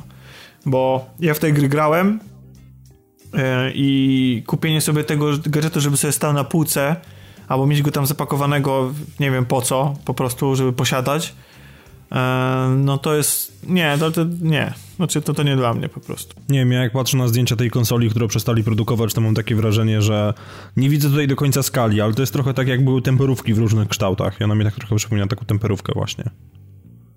Gdzie ścinki zostawały w środku i potem się otwierało takie onesa i można było wysypać. Oczywiście wtedy byłoby się gwiazdą w szkole, no ale to już y, Serio? zupełnie inna znaczy, kwestia. Naprawdę z tym ci się kojarzy? Bo...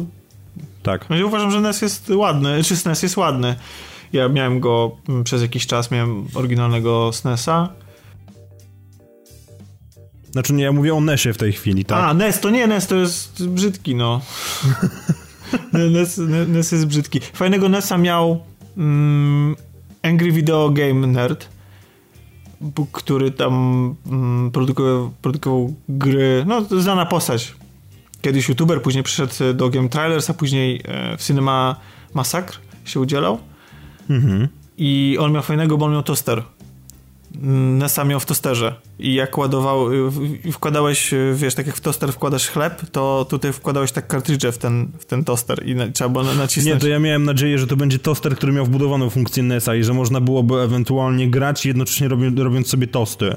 No, no i, spowod- to by do mnie przemawiało. i spowodować jeszcze zainteresowanie pobliskich e, oddziałów Straży Pożarnej bardzo szybko. Ja myślę, że NES nie wydzielał za dużo ciepła, więc to nie byłoby problemem.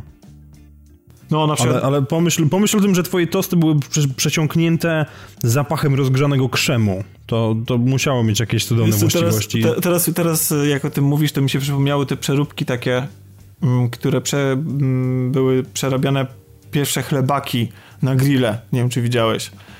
Że... Znaczy, jako chlebak masz na myśli oczywiście grube PS3. Tak, tak, tak. Żeby, mhm, żeby... Tak, i do tego jeszcze dorobiony Ken Kutaragi, który trzyma takie wspaniałe narzędzie do przewracania karkówy, no po prostu, tak, pamiętam to oczywiście. Coś w tym było. Ale mniejsza o to już, abstrahując od mieszania konsoli jedzenia, bo nie wiem w sumie, czy to się specjalnie miesza, jeżeli się potem się obtłuszcza pada. Ja bardzo nie lubię tłustych padów. Nie, no Więc... ja, ja w ogóle nie lubię strasznie jedzenia e, podczas grania, jak y, robiłem sobie kiedyś takie maratony nocne typu mm, na przykład Maxa Payne'a trójkę przeszedłem za jednym zamachem, podczas jednej nocy po prostu, jednego posiedzenia. To jest strasznie głupi pomysł i w ogóle nie polecam. Kończenie... Ja, ja z kolei uważam, że to jest strasznie głupi pomysł, ale zdecydowanie go polecam, bo nie ma po prostu nic cudowniejszego niż zimne powietrze, które zakrada ci się do pokoju przez otworzony czy uchylony balkon. Jest piąta rano, a ty właśnie brniesz przez błoto w Motorstormie. To właśnie była moja pierwsza noc zerwana przy PS trójce i kocham te wspomnienie i bardzo chętnie bym się cofnął o 10 lat. O, dziękuję. Aha, no to ty mówisz o grach typu Motorstorm czy jakichś multiplayerowych, to jasne jasne. Natomiast gry, które są doświadczeniami też fabularnymi, mają w tobie wzbudzać emocje i Max Payne taki jest, to powiem ci, że jak kończysz o 5 nad ranem i grałeś przez te tam 8 czy 10 godzin, już nie pamiętam, to masz tak serdecznie dosyć tej gry, że wiesz, po prostu przysypiasz, jesteś zmęczony i nie dociera do ciebie to, co się dzieje na końcu tak bardzo, z taką intensywnością. Chociaż na przykład, tak Bioshocka Infinite też skończyłem. Ostatnia sesja trwała bardzo długo, Zacząłem, co prawda nie od jakiejś tam 18 czy coś, tylko tam 21 i też skończyłem o 4 nad ranem. I byłem, ta gra była tak intensywna i tak mocna, że siedziałem, oni miały do 6 w fotelu. Tak po prostu siedziałem się, patrzyłem w telewizor. Ale właśnie widzisz, nie, to, to, to, w takim razie nie musisz, nie, nie możesz rozpatrywać tego, że to, jest, że to jest kiepski pomysł. To jest po prostu kwestia tego, jakie gry wybierasz, bo w Może. momencie, kiedy mi się zdarzają aż takie tytuły, to no kończy się tak, że rzeczywiście wstaję od konsoli o godzinie 4 czy 5 rano. Chyba z The Force Unleashed ostatni achievement mam wbity około 5 rano czy koło 4. I skończyło się to po prostu tak, że odłożyłem pada, wyszedłem zapalić, a potem poszedłem spać. No tak, no to ja mogę zrobić prze płynne przejście? Ależ proszę cię bardzo. To nie polecam grania za jednym zamachem w Personę 5, ponieważ aby skończyć... Dym, dym, dym. ponieważ aby skończyć tą grę, potrzeba aż 100 godzin, więc jest szansa, że, że, że możecie y, odejść niedożywieni i odwodnieni kompletnie od konsoli, ale jest też duża szansa na to, że ona was przez te 100 godzin nie puści, czyli odłożycie pada dopiero aż skończycie grę, bo tak niemiłosiernie wciąga. Aż tak? Aż tak. Aż... Dobra, no to w takim razie ile czasu wolnego miałeś na przestrzeni od kiedy dostałeś tę grę? Już abstrahuję od pracy i tak dalej, ale jaki procent czasu spędzałeś przy personie, jeżeli ona tak bardzo mocno cię trzyma? No widzisz, no jakby no jestem rozsądnym, odpowiedzialnym człowiekiem i po prostu po prostu za, za, Nie, zarywam noce grając w nią, bo też chciałbym przed każdym nagraniem mieć jak najwięcej ograne, żeby opowiedzieć o niej jak najwięcej, wiedzieć o niej jak najwięcej. Jeszcze raz chciałem w ogóle podziękować naszym patronom, czy tam mecenasom. E, z... Mecenasom, tak. No, ostatnio chyba przyjęliśmy tak, tę terminologię. Mecenasom za, za, za możliwość zagrania w tą grę. Um, wiesz co, no to jest tak, że nie zauważasz tego. Siadasz o 19 i nagle się orientujesz, że jest trzecia w nocy. I w ogóle nie wiesz, gdzie to minęło. I w ogóle się nie czujesz zmęczony. Nie masz ochoty, znaczy już jest fizycznie, zamykają ci się oczy, jesteś już padnięty, ale nie ma czegoś takiego, że się czujesz zmęczony tą grą bo to, co ona robi świetnie, to cały czas daje ci coś nowego. Daje ci coś, e, co chcesz odkrywać i co chcesz poznawać i mm, tempo tej gry jest niesamowicie rozwiązane, ale ja może po kolei, żeby, żeby nie wprowadzać zbyt dużego chaosu. Ja podejrzewam, że ludzie, którzy grali w Persona 4 i są fanami tej serii, albo ci, którzy stwierdzili, że sobie już spróbują od piątej się zapoznać, to myślę, że tą grę już kupili, grają w nią, niektórzy już mają to szczęście, że przeszli i i właściwie nie ma co tutaj yy, za bardzo im opowiadać, ale na pewno jest rzesza ludzi, których albo ta gra w ogóle nie interesuje, albo na przykład zastanawiają się, co w niej jest takiego fantastycznego i dlaczego mieliby na nią zwrócić uwagę. Więc pomyślałem sobie, że może ja o niej opowiem z perspektywy człowieka, który nie lubi gier JRPG, nigdy w nie nie grał, albo niewiele i się odbił, i dlaczego, i co on fajnego miałby w tej personie znaleźć? Dlaczego to jest gra, po którą warto sięgnąć, nawet jeśli nigdy nie graliście w JRPG albo ich nie za bardzo lubicie. Ja nie wiem, tutaj w ogóle jakiś dziwny precedens się pojawił w naszym podcaście, ponieważ już wcześniej była taka sytuacja z Dawidem, który też mówił nie, nie, nie, a potem się nagle okazało, że Final 15 go wessało po prostu jak dobra czarna dziura. Znaczy nie, ja akurat, y, ja nie, chociaż nie przepadam za JRPG-ami, to Persona 4 Golden bardzo lubię. I to, to ja wyczekiwałem Persony 5, wiedziałem, że to będzie dobra gra już na samym początku. Tylko nie wiedziałem, że będzie tak dobra, że przez te 10 lat produkcji y, niemalże usprawnił tyle, że, mm, że będę w stanie cieszyć się nią tak bardzo na nowo. Dobrze, więc Tomaszu, który wie, mów. Jestem zainteresowany.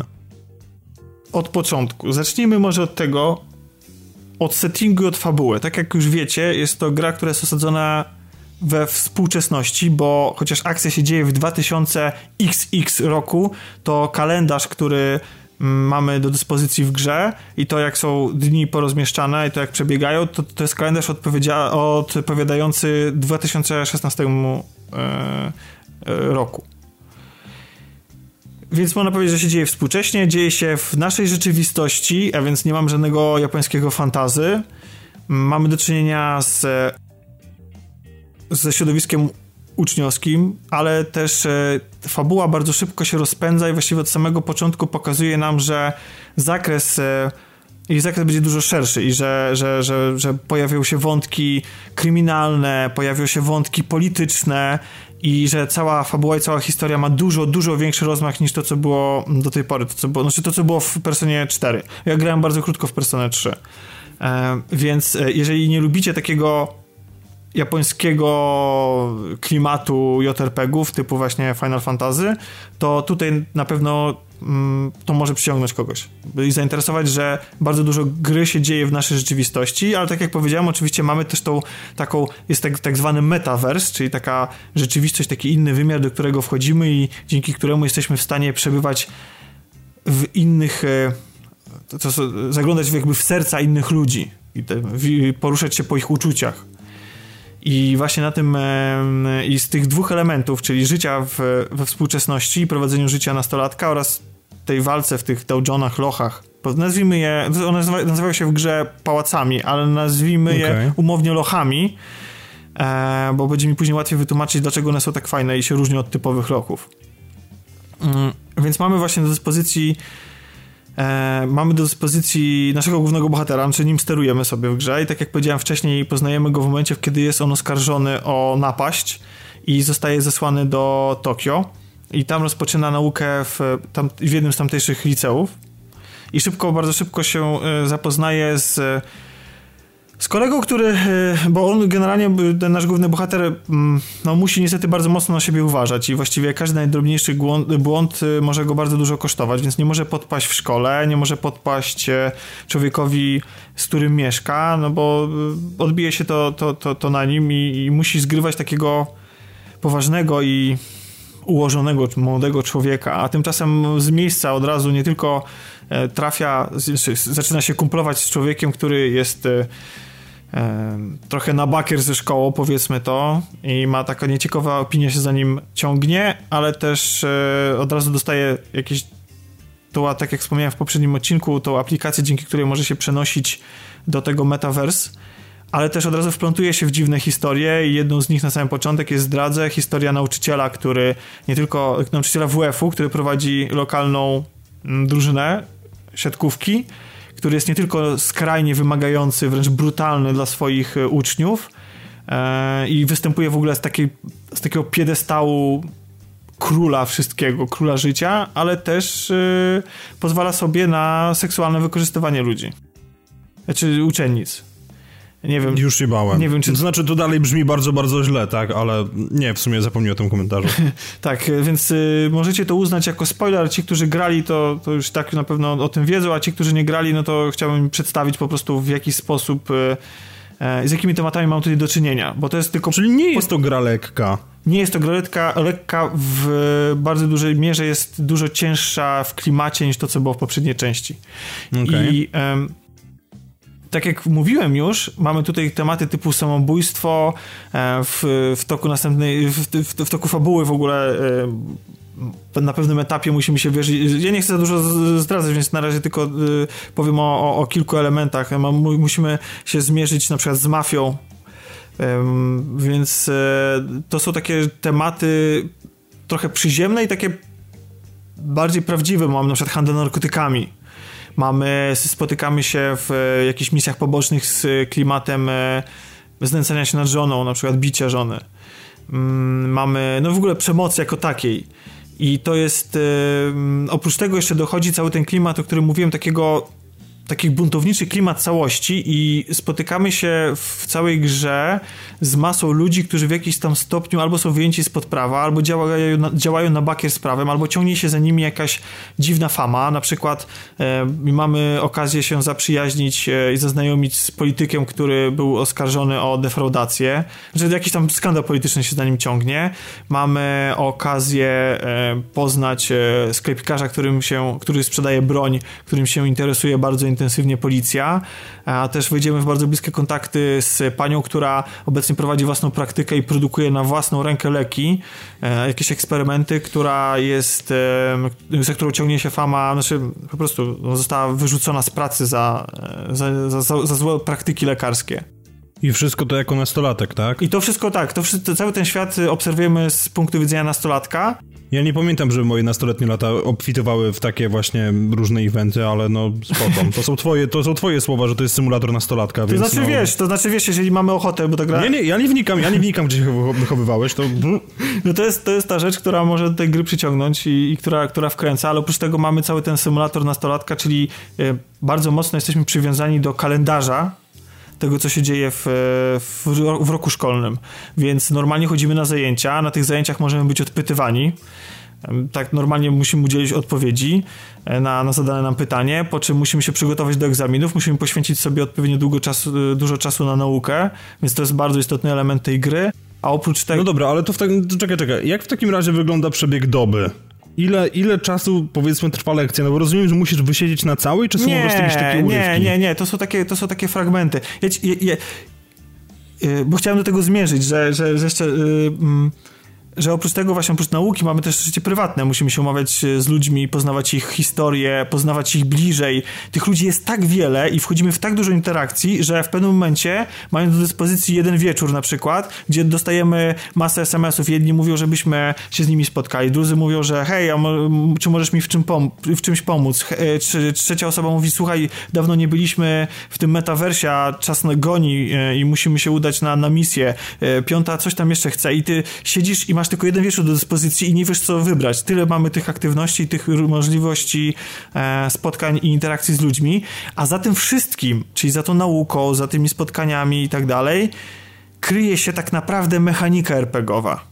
Bo niemalże cokolwiek byśmy w tej grze nie zrobili, wszystko to, co zajmuje jakiś okres czasu, oprócz tam zakupów to wszystkie aktywności, łącznie z takimi głupimi jak to, że bierzesz, idziesz sobie do sieci hamburgerowej i bierzesz udział w e, konkursie na zjedzenie hamburgera na czas, czy tam na ilość tych hamburgerów, e, to takiego dostajesz takiego wielkiego hamburgera i po prostu musisz go pochłonąć, to, zawsze, to wszystkie te aktywności wiążą się z tym, że za każdą z nich dostajesz jakieś punkty. Do jakich... Jak wygląda jedzenie hamburgera w grze wideo no, na czas? Mm, no, siedzi... Quick time event? Nie, nie, nie, nie, nie. Niektóre rzeczy... Maszowanie klawisza? Nie, nie, nie. To są, to są rzeczy, które po prostu musisz fabularnie przeżyć. Po prostu widzisz na ekranie tą daną czynność. Po prostu udajesz się... Ale danym... nie, masz, nie masz na to wpływu. Nie masz, nie masz za bardzo. 2 na 10. Wiesz co, no, są też aktywności bardziej interaktywne, ale w rzeczywistości to gra jest tak skonstruowana, że liczy się dla ciebie to, że coś takiego odbyłeś, bo to jest gra RPG bardzo mocno, znaczy za tymi wszystkimi fabularnymi rzeczami kryje się właśnie szereg mechanik, masy współczynników, które musimy, e, o które musimy dbać, które musimy sobie rozbudowywać, zdobywać te kolejne punkty. I niektóre rzeczy, bo my jesteśmy opisani przez szereg e, statystyk typu urok, typu nasza wiedza, e, typu nasze jaja, w sensie odwaga, GATS to się, to się nazywa, e, jakieś tam zdolności manualne i za każdą tych, tych czynności, które robimy w świecie rzeczywistym dostajemy punkty i to nam mm, no to nam pomaga na przykład rozwiązywać questy chociażby, bo na przykład żeby zagadać do kogoś potrzebujemy mieć e, współczynnik na odpowiednim poziomie, na przykład e, nie zagadamy do obcej dziewczyny tylko dlatego, że mamy za mało mm, uroku, a żeby ten urok sobie zwiększyć, to musimy poświęcić jeden z wieczorów na przykład, żeby udać się do sauny. Ale też e, można go powiększyć w jakiś tam inny sposób. E, można na przykład pójść na film i obejrzeć jakąś komedię romantyczną e, do kina. E, więc... Kupić sobie perfumy, czy nie? Y, jeszcze nie kupowałem perfum. Y, ku, ku, można, kupować, okay. można kupować rzeczy po to, żeby dawać prezenty ludziom. I na przykład jest tak, że to zresztą wiadomo już, że można w tej grze flirtować, jeżeli twoja znajomość z jakąś tam osobą wejdzie na odpowiedni poziom, bo oprócz tego oprócz tego, że, że, że rozwijamy te statystyki związane z naszą osobą, to z każdą z tych osób mamy taką więź i ta więź za każdym razem, gdy się z nią spotkamy, czy nie za każdym, ale po pewnym czasie e, jakichś tam intensywnych e, spotkań z daną osobą, ona się też zwiększa, a to się będzie bardzo mocno przekładało na to, co możemy zrobić w metaversie, to za chwilę do tego przejdę. Więc e, to jest tak, że to jest gra, w której ma się poczucie, że niemalże każda akcja, którą wykonujesz, ma jakiś sens, jakiś cel. I z jednej strony jesteś świadomy tym, bo gra cię ciągle informuje, za tą akcję dostałeś tyle punktów, to ci się powiększyło, to coś tam, co może być wkurzające, bo po 50 godzinach gry ty już wiesz, że jak zjesz tego hamburgera, to ci się powiększa odwaga. Już nie musisz mieć, dostawać tych dwóch ekranów tekstu do przeklikiwania, ale gra cię... Wow, jak... Chwilę, co? Jak to ci powiększa odwaga? No bo dlatego, że wziąłeś udział w tym konkursie. No wiesz, nie wszystko w tej grze jest super poważne, tak jak w życiu. No mamy problemy związane z molestowaniem i samobójstwem, ale mamy też konkursy hamburgerowe, no. A propos jedzenia hamburgerów, i to jest kompletny off-top, musicie wiedzieć tylko jedną rzecz. Jest jedna zasada, która została mi przekazana przez mistrza kuchni za pomocą tablicy w jego lokalu, ale to nie jest ważne. Na potrzeby tego powiedzmy, że powiedział mi osobiście, dobry burger to taki, po zjedzeniu którego trzeba wziąć prysznic. I proszę kontynuuj. Znaczy co, że, że go zwrócisz? No tak się upieprzysz, tak się po prostu nim upieprzysz. Okay. No, no, Chciałem, że, zwró- że zwracasz na przykład. Nie? Jezu, nie. No w każdym razie... Ale wróćmy, wróćmy do burgerów w personie, to, to było to, przepraszam. Tak, no więc tak, to jest gra... Yy, znaczy, więc za tym wszystkim się kryją te wszystkie mechaniki, ale jest ona tak fajnie napisana. Te postacie, ja nie byłem pewny co do nich na samym początku, jak mówiłem w poprzednim odcinku, ale prawda jest taka, że chociaż ja wiem, moja głowa mi mówi, słuchaj, ty musisz iść teraz się spotkać z tą osobą po to, żeby więź z nią była większa, bo po prostu ci się to kalkuluje, bo będziesz miał dzięki temu jakieś tam lepsze moce i tak dalej, albo musisz wykonać teraz jakąś tam czynność, ale ja to świadomie olewam i robię zupełnie co innego, dlatego że za tym wszystkim, na to wszystko jest nałożona po prostu bardzo fajna fabuła, bardzo fajne postacie, z którymi chcesz rozmawiać, z którymi chcesz się spotykać, z którymi chcesz mieć, oczywiście, oczywiście z jednymi bardziej, z drugimi mniej, ale chcesz mieć więź, więc ja wybieram to, z kim się chcę spotkać, nie dlatego, żeby mieć lepsze statystyki pod względem statystyk, tylko pod względem tego, która osoba jest dla mnie fajniejsza i, którą, i której wątek chciałbym poprowadzić dalej i się dowiedzieć czegoś więcej o niej. Na przykład, mm, co mnie samo w ogóle zdziwiło, bo kreowana na taką miss e, tego, tej drużyny naszej, e, to za chwilę do, do niej przejdę, e, laska, Ann, na przykład ona jest taką seksbombą powiedzmy i ona jest generalnie wystawiona raczej dla gracza jako taki pierwszy pierwsza zdobycz miłosna, że, że powinieneś się nią zainteresować generalnie. Tymczasem z jakiegoś tam powodu ja nie będę go zdradzał. Ja stwierdziłem, że wcale ona mnie nie interesuje. To znaczy, że jest fajną postacią i w ogóle i chcę się z nią e, przyjaźnić i, i kontaktować, ale wcale nie chcę prowadzić, doprowadzić w jej przypadku y, tego wątku i tej znajomości z nią do tego, żeby to była jakaś e, miłość czy coś takiego, jakiś, jakikolwiek związek, więc sobie to w ogóle e, już, już, na tym poziomie sobie to założyłem. Nie wiem, czy może... No ale nie jesteś zmuszany jakby do nie. pociągnięcia relacji masz, w stronę. Masz masę możliwości, e, jeśli, okay. jeśli chodzi o, o romanse, ale podejrzewam, że jest, e, nie, nie grałem w tego ostatniego Mass Effecta, ale podejrzewam, że jest, jest to dużo trudniej niż, e, niż, niż potrzeba więcej czasu i energii i wytrwałości niż w tym nowym Mass Effectie. No tak, zdecydowanie, no bo w nowym Mass Effectie de facto sprowadza się to do tego, że wychylasz gałkę analogową po prostu w lewo i wybierasz opcję oznaczoną serduszkiem i wybierasz ją tak długo, aż w końcu postać nie powie, no to choć pójdziemy się pieprzyć, no okay, proste. Okej. Okay. Um, ale właściwie nie powiedziałem, bo mamy tego bohatera i ten bohater plantuje się w aferę, w wyniku czego w efekcie... Yy, powstaje grupa, która się nazywa Phantom Thieves of Hearts, czyli złodzieje serc. To która sobie. Duchowi. Tak, duchowi, która, która sobie za cel obiera mm, zmienianie serc ludzi. Polega to na tym, że oni właśnie mogą się wgryźć w daną psychikę, przeniknąć do danej psychiki e, danego człowieka i tam e, wkradając się do określonych lokacji, zachowując się właśnie jak tacy złodzieje, walcząc z bossami, z przeciwnikami, rozwiązując zagadki, mm, szukając tam drogi do tego skarbu i przede wszystkim poprzez ukradzenie takiego skarbu, czyli takiej najbardziej skrywanej, skrywanego pożądania, takiego, mm, tego czegoś, co napędza tą naszą mroczną stronę natury, mogą człowieka zmienić. Jeżeli na przykład mają właśnie, mamy kontakt z człowiekiem, który jest wysoce zdemoralizowany i tak źle traktuje uczniów i wykorzystuje ich seksualnie, to jest szansa na to, że dzięki naszym złodziejom, po tym jak oni zakradną się do jego serca i zrobią odpowiednie rzeczy, e, pokonają jego własną złą naturę w postaci oczywiście groźnego bossa na sam koniec, to on się zmieni w świecie rzeczywistym. I ta grupa, i to w ogóle mnie zaskoczyło, bo e, w poprzedniej części było to raczej. Wszystkie nasze działania były raczej skromne, jeśli chodzi e, o to, jak odbierała to społeczność, ludzie. Tymczasem tutaj mamy do dyspozycji ogromne miasto, media i nagle się okazuje, że nasze działania w ogóle są natychmiast wychodzą na światło dzienne. To nie jest tak, że my jesteśmy rozpoznawani, że przeciwnie, od razu się pojawia jakieś tam śledztwo przeciwko różne grupy, zaczynają nas śledzić, nami się interesować i w ogóle.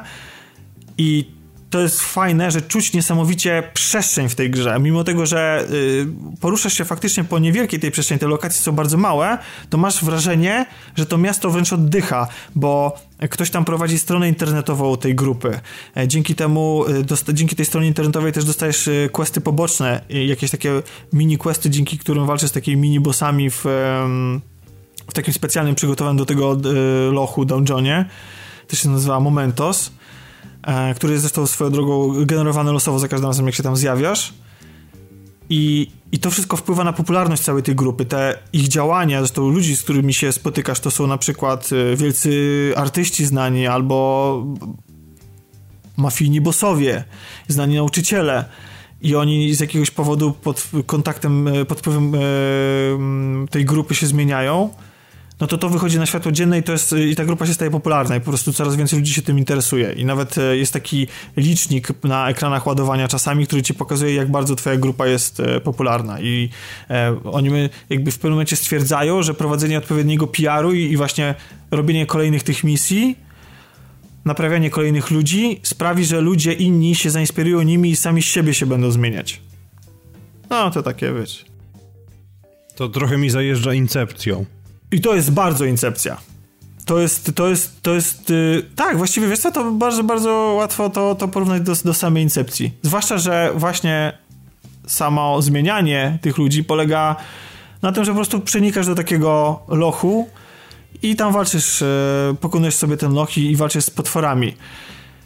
Walka odbywa się turowo, jest to JRPG yy, i bardzo, mm, bardzo można powiedzieć, że klasycznie, gdyby nie to, że dla mnie, człowieka, który nie za bardzo przepada za tą formułą i za tą mechaniką, to wydaje mi się, że to jest chyba najszybszy JRPG, jaki widziałem w życiu, w jaki grałem w życiu. Walki odbywają się błyskawicznie. To wszystko, masz wrażenie, że chociaż walka jest turowa i to masz nadal te postacie stojące naprzeciw siebie i wybierasz po prostu z menu listy ciosów i umiejętności specjalnych, jakichś supermocy, to co postać ma wykonać, to co ma zrobić i później jest odpalana jakaś tam odpowiednia animacja, to system e, tych e, opierający się w dużej mierze na słabości przeciwników, to znaczy, że e, mając do dyspozycji jakąś odpowiednią liczbę ciosów i tych umiejętności specjalnych, które są, nazwijmy je umownie żywiołami, chociaż tak naprawdę one daleko wykraczają poza żywioły, ich jest naprawdę wiele, to przeciwnicy są na jedne z tych żywiołów, z tych supermocy bardziej odporni, a na inne mniej. I jak poznasz danego przeciwnika odpowiednio i wiesz już nad, jaka jest jego słabość, to po prostu wystarczy sobie tak ustawić walkę, że właściwie dwoma kliknięciami ją wygrywa. No przesadzam, ale bardzo szybko ją wygrywasz i lecisz sobie dalej. Ale e, sama walka jest bardzo dynamiczna jeszcze całość jest podkręcana przez świetną, świetne animacje, bardzo fajne udźwiękowienie i rewelacyjną muzykę. W ogóle w całej grze muzyka jest świetna. I masz wrażenie, że mimo tego, że to jest turowe, to cały czas pompuje adrenalinę. Cały czas yy, jest to napięcie, cały czas czujesz frajdę z tej walki. Nawet jeśli walczysz po raz kolejny z tym, z tym samym przeciwnikiem, to, to, to odbywa się to bardzo szybko i bardzo, yy, bardzo sprawnie. Oczywiście natrafisz na trudniejszych przeciwników, którzy potrafią ci złoić skórę. Na początku zwłaszcza gra jest bardzo trudna. Znaczy przesadzam z tym bardzo trudna, ale jest trudniejsza niż zakładałem. Nie cacka się z tobą. E, i musisz e, po prostu mm, te mechaniki, uczyć się tych mechanik i z nich korzystać, bo tam wchodzi masę takich zależności pomiędzy poszczególnymi postaciami, właśnie dlatego warto wzmacniać więzy z poszczególnymi postaciami. Ale też w ogóle nie powiedziałem o najważniejszej rzeczy, która dotyczy w ogóle tej serii, skąd wynika jej nazwa. Bo każdy z postaci, która przenika do metaversu, potrafi się posługiwać personami.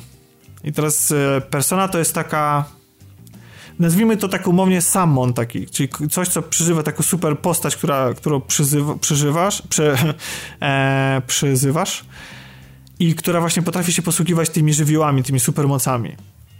I nasi bohaterowie, ci, których, którymi nie, którzy nie są głównym bohaterem, czyli reszta, reszta składu, ma przypisane do siebie persony i, i te persony się uczą nowych e, umiejętności. Te umiejętności są i pasywne, i, i aktywne ale też e, nasz główny bohater oprócz swojej startowej persony może korzystać z innych i sobie je w e, danej walce zmieniać dowolnie i na przykład jeżeli potrzebujesz korzystać teraz, nie wiem, z mocy lodu, to to śmiała, jeśli z mocy atomowej to śmiała, jeśli z mocy tam elektryczności to śmiało.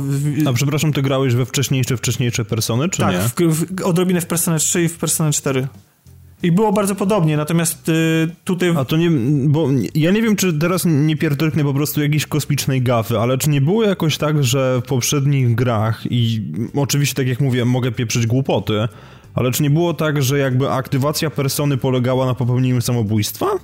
E, to było, to, było, to dotyczyło w Persony 3 i to, okay. i to dlatego ta, ta seria się stała sławna trochę bardziej, tak ze względu na ten skandal, bo faktycznie było tak, że wyglądało to w ten sposób, że przyrząd, który uruchamiał twoją personę, wyglądał jak pistolet i przekładałeś go sobie do głowy i naciskałeś spust.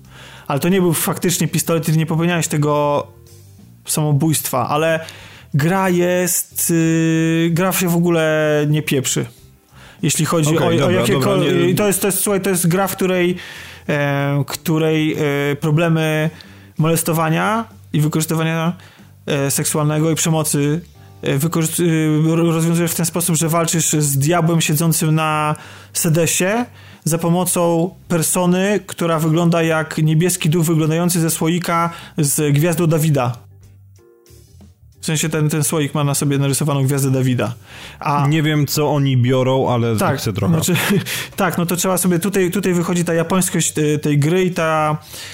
I tutaj teraz ja nie chcę palnąć jakieś gafy, ale wydaje mi się, że ta główna seria, z której się wywodzi spin-off Persony, to jest, e, to jest seria, w której wszyscy w ogóle bogowie i wszystkie religie się razem ze sobą łączą i możesz tam w ogóle, ja teraz nie chcę czegoś pomylić, ale że możesz, że obok siebie może walczyć jednocześnie Buddha Jezus, czy coś takiego. To, to mi się obiło uszy, jakby nie, nie daję za to głowy, że tak faktycznie jest, ale w tej części na przykład jest tak, że jak y, możesz się udać do kościoła, a w kościele jest konfesjonał i zgadnij, coś, do czego służy konfesjonał. Do aktywacji persony? Nie, do tego, żebyś e, przyzwał do konfesjonału jednego ze swoich znajomych i tam przywrócił jeden z e, umiejętności, które na przykład odrzuciłeś, bo chciałeś zdobyć jakąś nową umiejętność, bo tam masz odpowiednią ilość slotów, jakich zabraknie, no to musisz się pozbywać niektórych umiejętności. Jeżeli po czasie stwierdza, że jednak ta umiejętność była fajna, a ta nowa to ci się jednak nie sprawdza i wolałbyś, żeby, to, żeby wróciła ta stara umiejętność, ta moc specjalna, to przyzywasz ich do konfesjonału i oni w konfesjonale się spowiadają im ta moc e, się, bo to jest, wiecie, taka um, symboliczna, a, taka analogia do oczyszczenia się z grzechu w ogóle... Czyli twoje własne, prywatne katarzis. Tak, tak. Po prostu... Dobra forma. Podoba mi się. I to jest gra, która się w ogóle z takimi tematami nie pieprzy. Więc y, nie wiem, być może niektórzy mogą być wrażliwi na tym punkcie, e, ale gra nie stosuje tam jakichś oczywistych symboli jako takich. Chociaż nie powiedziałem o Gwieździe Dawida, ale nie wiem, też nie chcę wyjść teraz na ignoranta i może się okazać, że ten symbol oznacza też nic na przykład, w sensie takim, że nie no, w tym sensie, że, że, że może być używany też w innym kontekście, że to nie jest wcale Gwiazda Dawida, tylko się okaże, że jakiś tam symbol w kulturze japońskiej, który oznacza coś tam. No, w każdym razie jest, jest, jest grubo pod tym względem i tutaj trzeba sobie zdać sprawę, że ta japońszczyzna, jeśli chodzi o walki, projekty potworów, wychodzi to bardzo mocno, więc jeżeli jesteście totalnie uczuleni, no to, to cóż, no to wam się nie spodoba, ale warto, bo sama walka i, yy, i to w jaki sposób yy, skonstruowane są te lochy. Ja na nie troszeczkę narzekałem, że nie narzekałem, tylko mówiłem, że nie są one aż tak bardzo rozbudowane względem tego, jak, było, jak to wyglądało w poprzedniej części, ale to była nieprawda. To, to było, ja się wzorowałem na jakichś początkowych wrażeniach. One są super w porównaniu do tego, co było w poprzedniej części. E, to jest tak, że nie masz wrażenia, że się udajesz do lochów, oprócz tych momentos, czyli tych, których wykonujesz tam side questy i możesz e, udać się po to, żeby um, farmić. To te, które są, które wynikają z głównej linii fabularnej, są świetnie zaprojektowane, bo masz wrażenie, że każdy jeden z nich to jest tak, jakbyś dokonywał włamu po prostu do jakiegoś miejsca, na przykład do muzeum, albo na przykład do banku i do skarbca. I oprócz tego, że mm, jest cały czas taki e, ta gra jest nasiągnięta klimatem tego, że jesteś faktycznie tym złodziejem, że jesteś e, oprócz tego, że tam w, w tym świecie rzeczywistym Mm, po jakimś czasie faktycznie możesz się poczuć jako złodziej, jako ktoś wyjęty spod prawa, bo twoje poczynania są też e, bardzo mocno komentowane w telewizji i jedni ludzie na przykład uważają, że, te, że, że, że taka rozbieżność opinii, bo inni popierają tych, tych, tych złodziei, całą tą twoją grupę, a inni na przykład są przeciwni, bo uważają, że, mm, że są jakimś tam zagrożeniem, poza tym są wyjęci spod prawa, jak to ktoś może tak działać. Poza tym też e, w ogóle od tego się zaczyna sama gra, że mm, taka główna, główna oś fabularna, taki naj, naj, naj, najgrubszy motyw w całej grze polega na tym, że e, dochodzi do serii psychicznych załamań w całym Tokio, które powodują e, wypadki, na przykład e, motorniczy metra może coś takiego e, przejść i, i, w wyniku czego na przykład giną ludzie. I, I, mm, to jest taki, taki główny wątek, do którego fabuła powoli zmierza. Mm. Ale wracając do, wracając do, do samych tych lochów, no więc te lochy są, są właśnie skonstruowane w ten sposób, że, że, że masz wrażenie e, takiego, że, takiego wykradania się, przekradania się że bardzo dużo, duży nacisk jest położony na to, żeby nie atakować wroga od frontu, bo on cię wykryje i może wezwać posiłki, e, żebyś, żebyś unikał kamer, żebyś się chował po rogach. Swoją drogą od razu tutaj e, będę narzekał, chowanie się za ścianami i to, jak w jaki sposób przemykasz od jednej e, przeszkody do drugiej jest fatalne po prostu dla kogoś, kto gra w skradanki. To jest ale w sensie co, inspirowali się trochę za mocno pierwszym Splinter Cellem, gdzie będąc w cieniu byłeś niewidoczny? Nie, nie, nie, nie, nie, no nie mówimy tutaj o, o, takim, o, o, o takim skomplikowaniu tego skradania.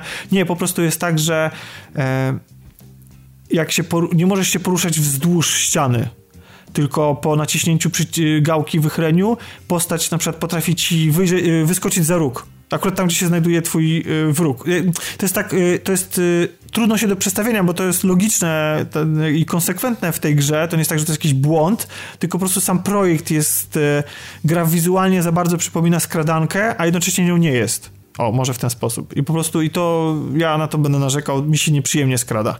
E, no ale trzeba z tego korzystać w jakiś tam stopniu i trzeba się tego nauczyć, bo, bo gra premiuje to, że możesz kogoś zaskoczyć e, i, i zrobić na niego um, zasadzkę, na, na takiego strażnika, i wtedy masz prawo do wykonania pierwszego ciosu.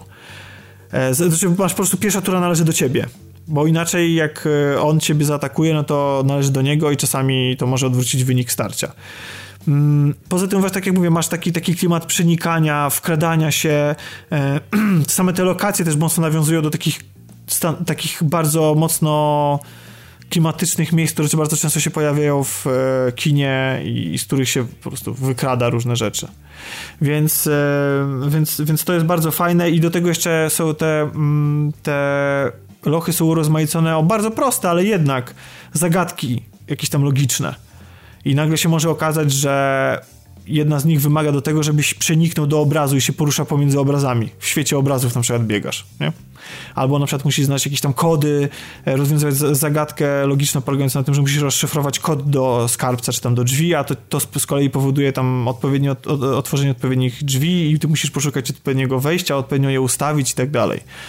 Więc to jest, e, to sprawia, że bieganie po tych lochach właściwie się nudzi i tak jak na przykład e, mm, no było takie trochę, dla mnie to jest takie trochę męczące właśnie w tych JRPG-ach, jak biegniesz przez jakieś tam kawał przestrzeni i ciągle walczysz i walczysz, że to jest takie, to jest takie monotonne. Tutaj w ogóle tego nie, ja nie odczuwam. Ciągle jest coś ciekawego, te lochy są dosyć małe, ale jednocześnie na tyle ciekawie rozbudowane, że się po prostu po nich fajnie biega i chce się dowiedzieć, co jeszcze przygotowali dla nas twórcy. I jestem ciekawy każdej kolejnej e, osoby, z którą się będę musiał odmierzyć i każdego kolejnego lochu, pałacu, który będę musiał odwiedzić. I to jest super. No dobra, no to ile godzin wpierdzieliłeś do tej pory? 50.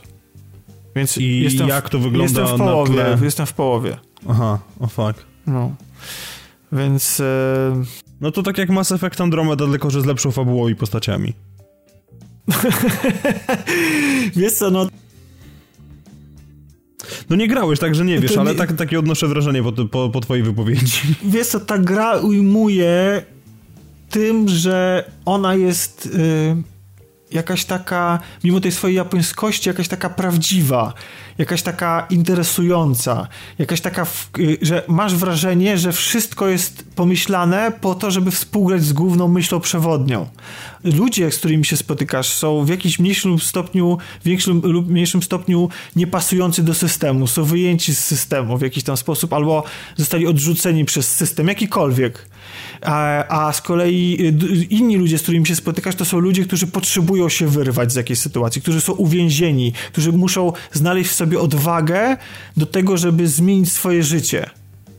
I cała ta idea szlachetnych złodziei, też się w to wszystko świetnie wpisuje. Główny wątek dotyczący naszego bohatera, który musi się w jakiś tam stopniu e, no, być częścią tego systemu, dobrze zachowywać, a z drugiej strony walczyć o, o, o prawo do, do wolności na jakichś tam polach, to, to wszystko razem ze sobą się zagłębia i sprawia, że masz takie dość, kompletne doświadczenie y, artystyczne po prostu.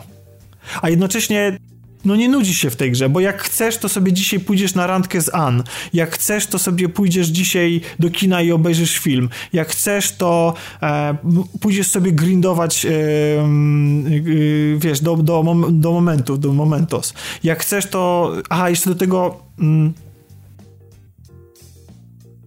no nie wiem, no po prostu y, sprawia wrażenie, mimo swoich ograniczeń, bo to jest tak, że gra momentami bywa bardzo liniowa też i mocno wkurza to, że na przykład y, nie możemy nic zrobić, bo okazuje się, że musimy iść spać, bo jesteśmy tak zmęczeni, że, że musimy iść spać. Tam nasz taki kolega, kompan jeden z drużyny ciągle nam o tym przypomina i mówi, że, że słuchaj, jesteś zmęczony, powinieneś, albo powinieneś się przygotować do lekcji, albo powinieneś się przygotować na jutro, nic dzisiaj nie zrobić. To oczywiście wynika z mechaniki, bo po prostu tak naprawdę po tym wszystkim się kryje tego życia codziennego, tej, tej części dotyczącej życia codziennego, że kryje się mechanika przyznawania punktów, tak jakby, bo to wygląda tak, jakbyś miał po prostu ciągle sobie przyznawał e, punkty za coś i, i, i, decydował o tym, w jakim kierunku twoja postać pójdzie.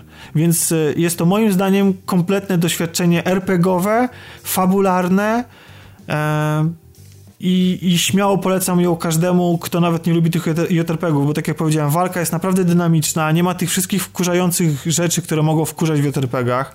Jest, e, pozwala ci na szereg zachowań, ta, ta mechanika jest bardzo wciągająca, jest dużo tych systemów, które się za tym kryją, a oprócz tego na to wszystko jest nałożona jeszcze interesująca i wciągająca fabuła.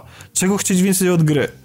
No, jedyne co, to trzeba przełknąć niestety no, pewną dozę japońskości. I to też, to też czasami jest tak, że jak gra uderza w te poważne tony i mamy ten poważniejszy taki klimat, a jednocześnie no, niektóre zachowania i rozwiązania fabularne są naiwne, są, są takie, no mamy na przykład detektywa, który jest szkolnym detektywem, no, tak, taką ma funkcję pełni w społeczeństwie, no, w sensie takim, że dzieciaka, to jest jeden z dzieciaków. Przepraszam, byłeś w japońskiej szkole?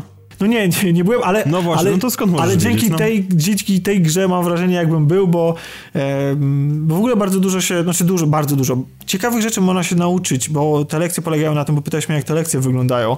Te lekcje polegają na tym, że e, jest zagadany jakiś temat przez nauczyciela, po czym jest skierowane do nas pytanie i my musimy znaleźć odpowiedź na to pytanie i o ile nie wiecie tego, to prawda jest taka, że, że jeżeli chcecie dobrze odpowiedzieć, to trzeba po prostu wygooglać, bo, bo, bo na niektóre odpowiedzi no bardzo ciężko nam, człowieku, człowiek, człowiekowi z zachodu znaleźć odpowiedzi, bo to są rzeczy na przykład dotyczące japońskiej kultury. Ale nie tylko, bo są też rzeczy i z matematyki, i z zachodniej kultury, z historii i tak dalej też. Ale to wszystko to takie fajne ciekawostki, że yy, fajnie wiedzieć po prostu tak tak po prostu się dowiedzieć o, trochę o języku, trochę o kaligrafii, trochę o sztuce, trochę o historii. Takie, takie rzeczy całkiem interesujące, więc nawet chodzenie na lekcje nie jest e, nudne w tej grze. No. Czyli wspominasz je lepiej niż twoją faktyczną edukację? Hmm, wiesz co, ja, no, ja lubiłem język polski, historię bardzo lubiłem. E, to nie było tak, że ja nie lubiłem chodzić do szkoły. No. To były oczywiście lekcje na przykład typu biologia, których których nie cierpiałem, bo, bo nie wiem dlaczego po prostu. Nie, znaczy to nie jest tak, że to nie było interesujące, tylko zawsze wydawało mi się, że wolałem sobie poczytać coś na przykład na polski. Nie wiem, ja na biologii grałem w Tekena, pamiętam, na PSP przez Wi-Fi. E, Ale to, nie, no to mniejsza, to, mniejsza Nie, no to, to, u nas nie, na biologii to... U nas było akurat na biologii to trzeba było y, bardzo uważać, bo trzeba było mieć prowadzony zeszyt ładnie.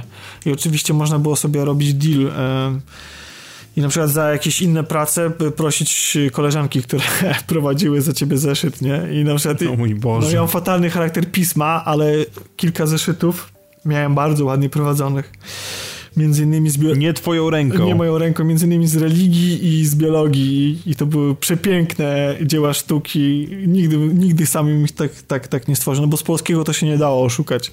Musiałem mieć ładny zeszyt, znaczy swój zeszyt, bo wiadomo, wypracowania się pisało i różne inne prace i, i charakter pisma był raczej znany, ale z innych przedmiotów to, to, to ten. No, oczywiście to, wiesz, to był taki taki deal, bo zamiast za to coś tam się innego, czy człowiek pomagał w jakichś tam innych kwestiach w szkole, koleżankom czy tam kolegom. Dobrze. Czy chcesz coś jeszcze dodać do persony, zanim po prostu już kompletnie utkniemy w bagnie wspomnień szkolnych? Nie, no... Nie wiem, no wydaje mi się, że już wszystko powiedziałem. Znaczy mam nadzieję, że was w jakimś tam stopniu zachęciłem, bo e, nie wiem, czy ciebie zachęciłem, to byś chciał w ogóle spróbować? Wiesz co, tak, już doszło do tego, że, że planowałem się ciebie zapytać, na jaką masz tą platformę. To wyszło tylko na PlayStation... A, właśnie. To wyszło na PlayStation 4 i wyszło na PlayStation 3. I niestety momentami widać, że to jest gra z PlayStation 3, bo... Mm, gra jest przepiękna, to co mówiłem, jest bardzo wystylizowana pod takim względem artystycznym, ale jest jeden zabieg, który mi się nie podoba i to zarówno pod względem technicznym, jak i artystycznym. Mianowicie ten silnik, na którym gra działa, nie jest w stanie uciągnąć dużej ilości ludzi na ekranie w danym momencie, a jednocześnie to jest Tokio. I jesteśmy w metrze. I jesteśmy na ulicy. I ta ulica jest bardzo zatłoczona. I twórcy chcieli oddać bardzo mocno ten klimat. E, co e, na tym silniku podejrzewam, że, że by się nie dało zrobić tak, jak to jest zrobione w normalnej grach. W związku z tym nie ma czegoś takiego jak y, kolizja obiektów. To znaczy, po prostu ludzie przez siebie przenikają i ty przez ludzi przenikasz. I to jest. Y, by, byłoby to dla mnie ok, gdyby nie to, że jeszcze do tego jest dorobiony taki efekt, że widzisz tylko tych ludzi, którzy są od ciebie oddaleni załóżmy o 10 metrów, a ci, którzy są dalej, to są takimi szarymi plamami.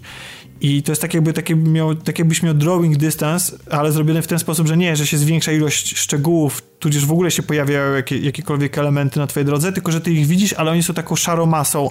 Jak do tego dodasz jeszcze fakt, że jesteś lekko zagubiony na samym początku gry i tych ludzi, którzy przez siebie przenikają i jeszcze te szare postacie, to może powodować, a jeszcze ciągle ruszające się elementy menu i wyskakujące różne informacje, to moim zdaniem tworzy razem taki miszmasz, który mi osobiście się nie podoba. To znaczy gra jest pod każdym innym względem super, jeśli chodzi o oprawę.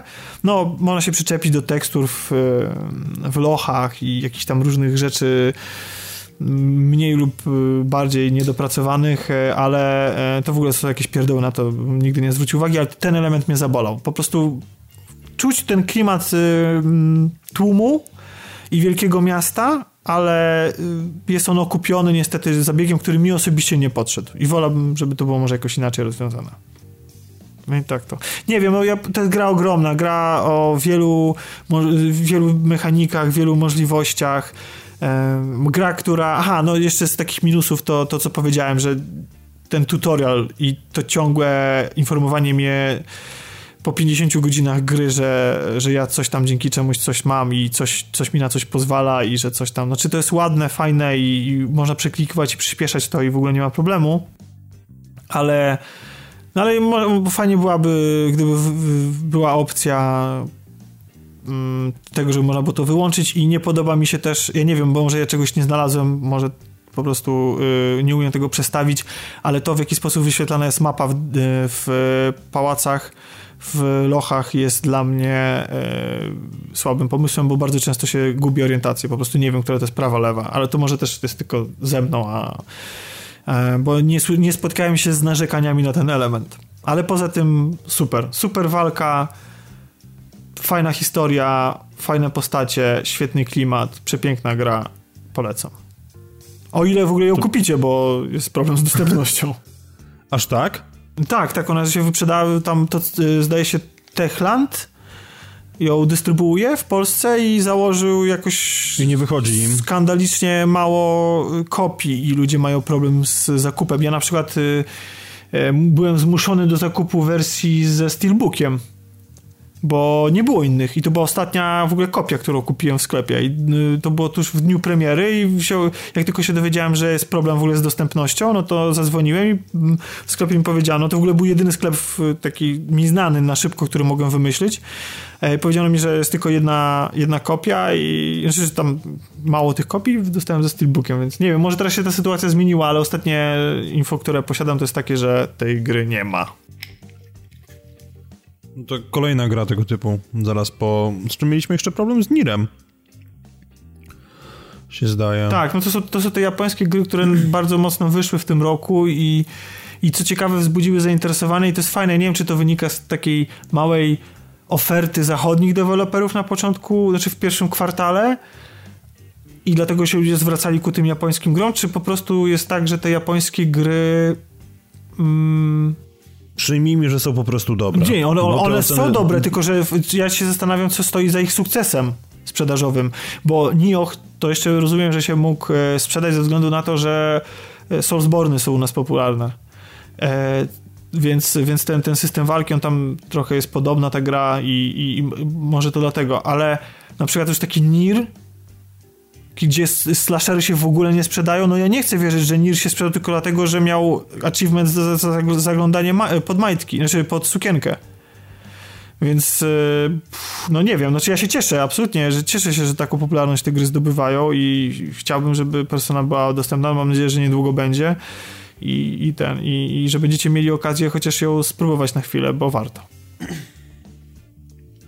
No dobrze, no to myślę, że w takim razie kącik persony już zamkniemy. Ja teraz jeszcze tylko na szybko chciałem mały update do Gran Turismo Sport rzucić, ponieważ udało mi się, jak mogliście, nie wiem, czy słyszeliście o tym, czy nie, e, na jakim etapie się zatrzymaliśmy tutaj w podcastach, bo pamiętam, że albo odcinek, albo dwa odcinki temu była mowa o tym, że w trakcie podcastu odpalałem betę i się okazało, że nie mam do niej dostępu. Natomiast dostałem się do beta testów europejskich i udało mi się trochę więcej pojeździć i przez trochę więcej, rozumiem, nabicie około 1000 kilometrów. Wow. Głównie po Nürburgringu. Czy, czy, czy, czy, czy twoje granie to się zawsze już liczy w tysiącach? Tysiąc godzin, tysiąc kilometrów? Ja odmawiam komentarza.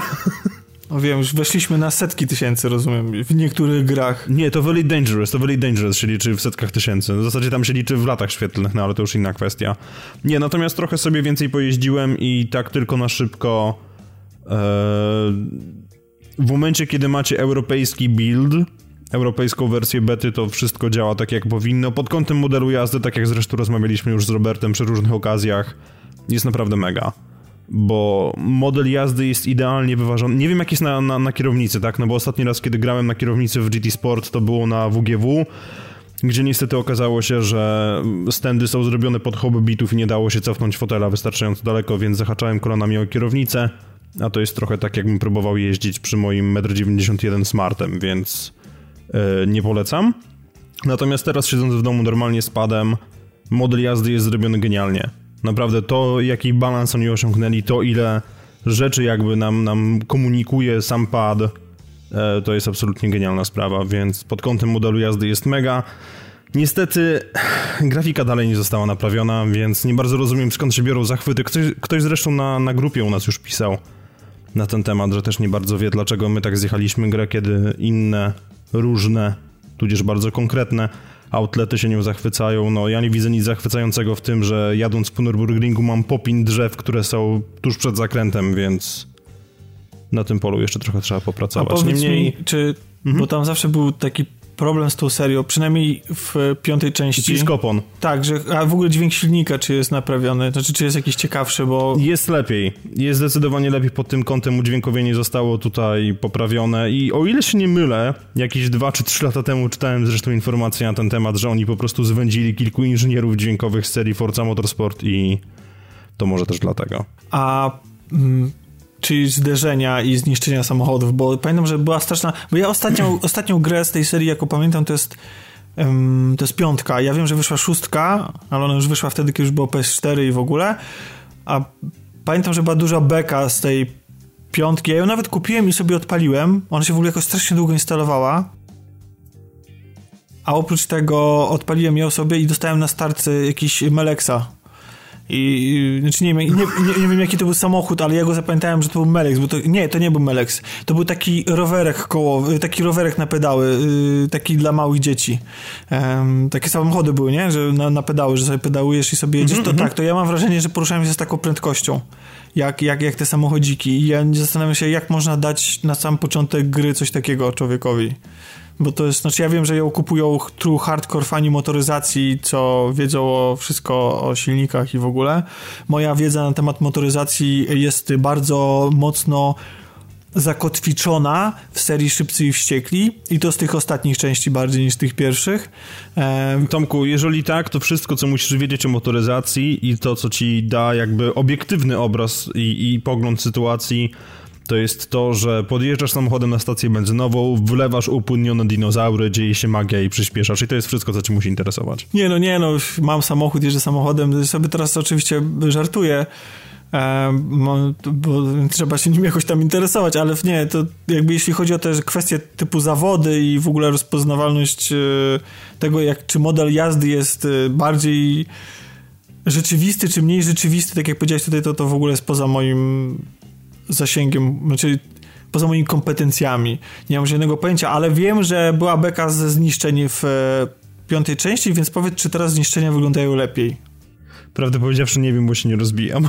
Tak, to był, to był główny argument fanów tej gry, że się ściga, nie rozbija. To jeszcze jedno... Nie, nie, autentycznie, wiesz co, będę musiał się wpierdzielić w ścianę i odpowiedzieć ci za tydzień. Okej. Okay. Bo, bo naprawdę, naprawdę nie wiem, jak to wygląda. Wydaje mi się, że te zniszczenia, jeżeli są, to są marginalne, ale to też może wynikać z faktu, że po prostu nie zdarzyło mi się tak, tak zrobić takiego burnouta i się wpierdzielić w coś konkretnie. To jeszcze powiedz mi w takim razie, bo ostatnia PK, jaką pamiętam, to była z tego, że część aut jest z PSX-a, znaczy z PS2. I z PSP. Tak, że to... Bo modele z Gran Turismo na PSP miały wyższą szczegółowość niż te z PS2 i w ogóle było tak, że były modele premium, które były w całości wymodelowane, a potem były jeszcze dwa tiry jakby tych modeli standard, które w środku miały po prostu wszystko wyłożone czarną alcantrą i, i, i nie dało się nic widzieć, więc nie ma modeli standard, są same modele premium. Okej, okay. i tak będzie w samej grze, czy tylko to dotyczy tych beta testów? Nie, on tak będzie w samej grze, tylko że wiesz, no tutaj osiągamy dość duży dość duże zejście z pułapu tych samochodów, które były do tej pory, bo o ile się nie mylę, tam jakoś w Gran Turismo 4 pamiętam, że było 700 i nie jestem pewien, czy Gran Turismo 6 nie zaczęło się ocierać o 1000. E, mogę, mogę tutaj pieprzyć głupoty, bo naprawdę nie pamiętam jak było, ale no tam była niebotyczna ilość samochodów, natomiast tutaj będzie ich bodajże 170. A to nie, wyni- Także... to nie wynika z tego, że jako oddzielny samochód był traktowany każda możliwa wersja jakiegoś tam samochodu, że to... Tak, to też wynikało z tego faktu, bo ja pamiętam, że kiedyś e, bardzo się nudząc liczyłem i było bodajże 16 różnych wersji Mazda MX-5 gdzie różniły się one takimi... Pamiętam też, że było kilkanaście różnych wersji Nissana Skyline'a GTR R34 i była różnica taka, że ten miał 10 kg mniej, albo miał karbonową maskę i to właśnie na tym polegały wszystkie te różnice, więc e, no tutaj będzie tak, że będzie 170 różnych modeli samochodów i miejmy nadzieję, że rzeczywiście będą to różne modele a nie tylko okay. pozmieniany kolor albo coś takiego. Bo na przykład pamiętam tak, że, że był Nissan Skyline GTR, który różnił się od zwykłego GTR-a tym, że był w specjalnym kolorze jakiejś tam północnej, północnej perły. I, I to był nowy model, który się liczył oddzielnie. To powiedz mi, mi się podobała jazda w Forcie, Forcie, Forcie Motorsport. Mm, zdaje się, że w mhm. czwórkę mhm. grałem w ostatnią część. Jak bardzo to się różni od, od, od tego modelu jazdy? To jest dość trudne pytanie, bo ja Forza Motorsport 4 nie pamiętam. A, okej. Okay. Znaczy, no, ale, ale podejrzewam, że w ramach samej głównej Forcy to się niewiele zmienia. Nie, wiesz co, ja gram regularnie teraz w Forza 6, bo mam tak, że po prostu łapie mnie głód i, i, i w momencie, kiedy pojeżdżę trochę w Gran Turismo, to stwierdzam, że muszę sobie na ten konkretny tor Oczywiście chodzi o Nürburgring, Nordschleife. Wyjechać jeszcze czymś innym i wtedy muszę odpalić Force, bo w Gran Turismo w ogóle to jest dziwnie rozwiązane w tym sporcie i, i jakby no nie ima się tak do tego, co można robić w Forze.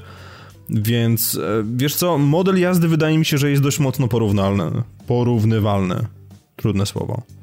Bo nie ma tak, że specjalnie jakoś wymaga to ode mnie jakiegoś przestawiania się w momencie, kiedy przeskakuję z jednej gry w drugą i obydwie są naprawdę bardzo fajnie wyważone. ja nie przeczę, że to jest w naprawdę dużym stopniu arcade, tak, szczególnie kiedy gra się na padzie, bo zaraz się po prostu pojawią jacyś hardkorowcy, którzy podpinają sobie specjalne linki do sprzęgieł i tak dalej. Powiedzą, to nie jest prawdziwa gra wyścigowa, nie nazywaj tego symulatorem. Ale no, jest to naprawdę świetnie wyważone w obydwu tych przypadkach i Wydaje mi się, że Gran Turismo jest troszkę dalej, jeżeli chodzi o ewolucję modelu jazdy, chociaż tutaj też ponownie bardzo dużo zależy od tego, jak sobie to ustawimy, bo w momencie, kiedy ja odpaliłem BT GT Sport po raz pierwszy, to w ogóle się okazało, że samochód skręca za mnie i hamuje za mnie, bo jest ustawiona jakaś taka idiotyczna asysta, która sprawia, że ty w zasadzie tylko trzymasz gaz i wychylasz gałkę analogową w tą stronę, w którą jest zakręt, a cała reszta się już dzieje bez twojego udziału. Więc no, ale w Forcy chyba też są jakieś takie dziwne rzeczy, więc co kto lubi, tak? A czy, ale to wy, wyglądasz w takim razie z nadzieją na pełny, pełną wersję? Ja bym nie nazwał GT Sport pełnoprawną odsłoną serii. Ja wyglądam z nadzieją na Gran Turismo 7, które nie zostało zapowiedziane. Nie wiemy, czy powstaje. Nie wiemy, kiedy się w ogóle pojawi.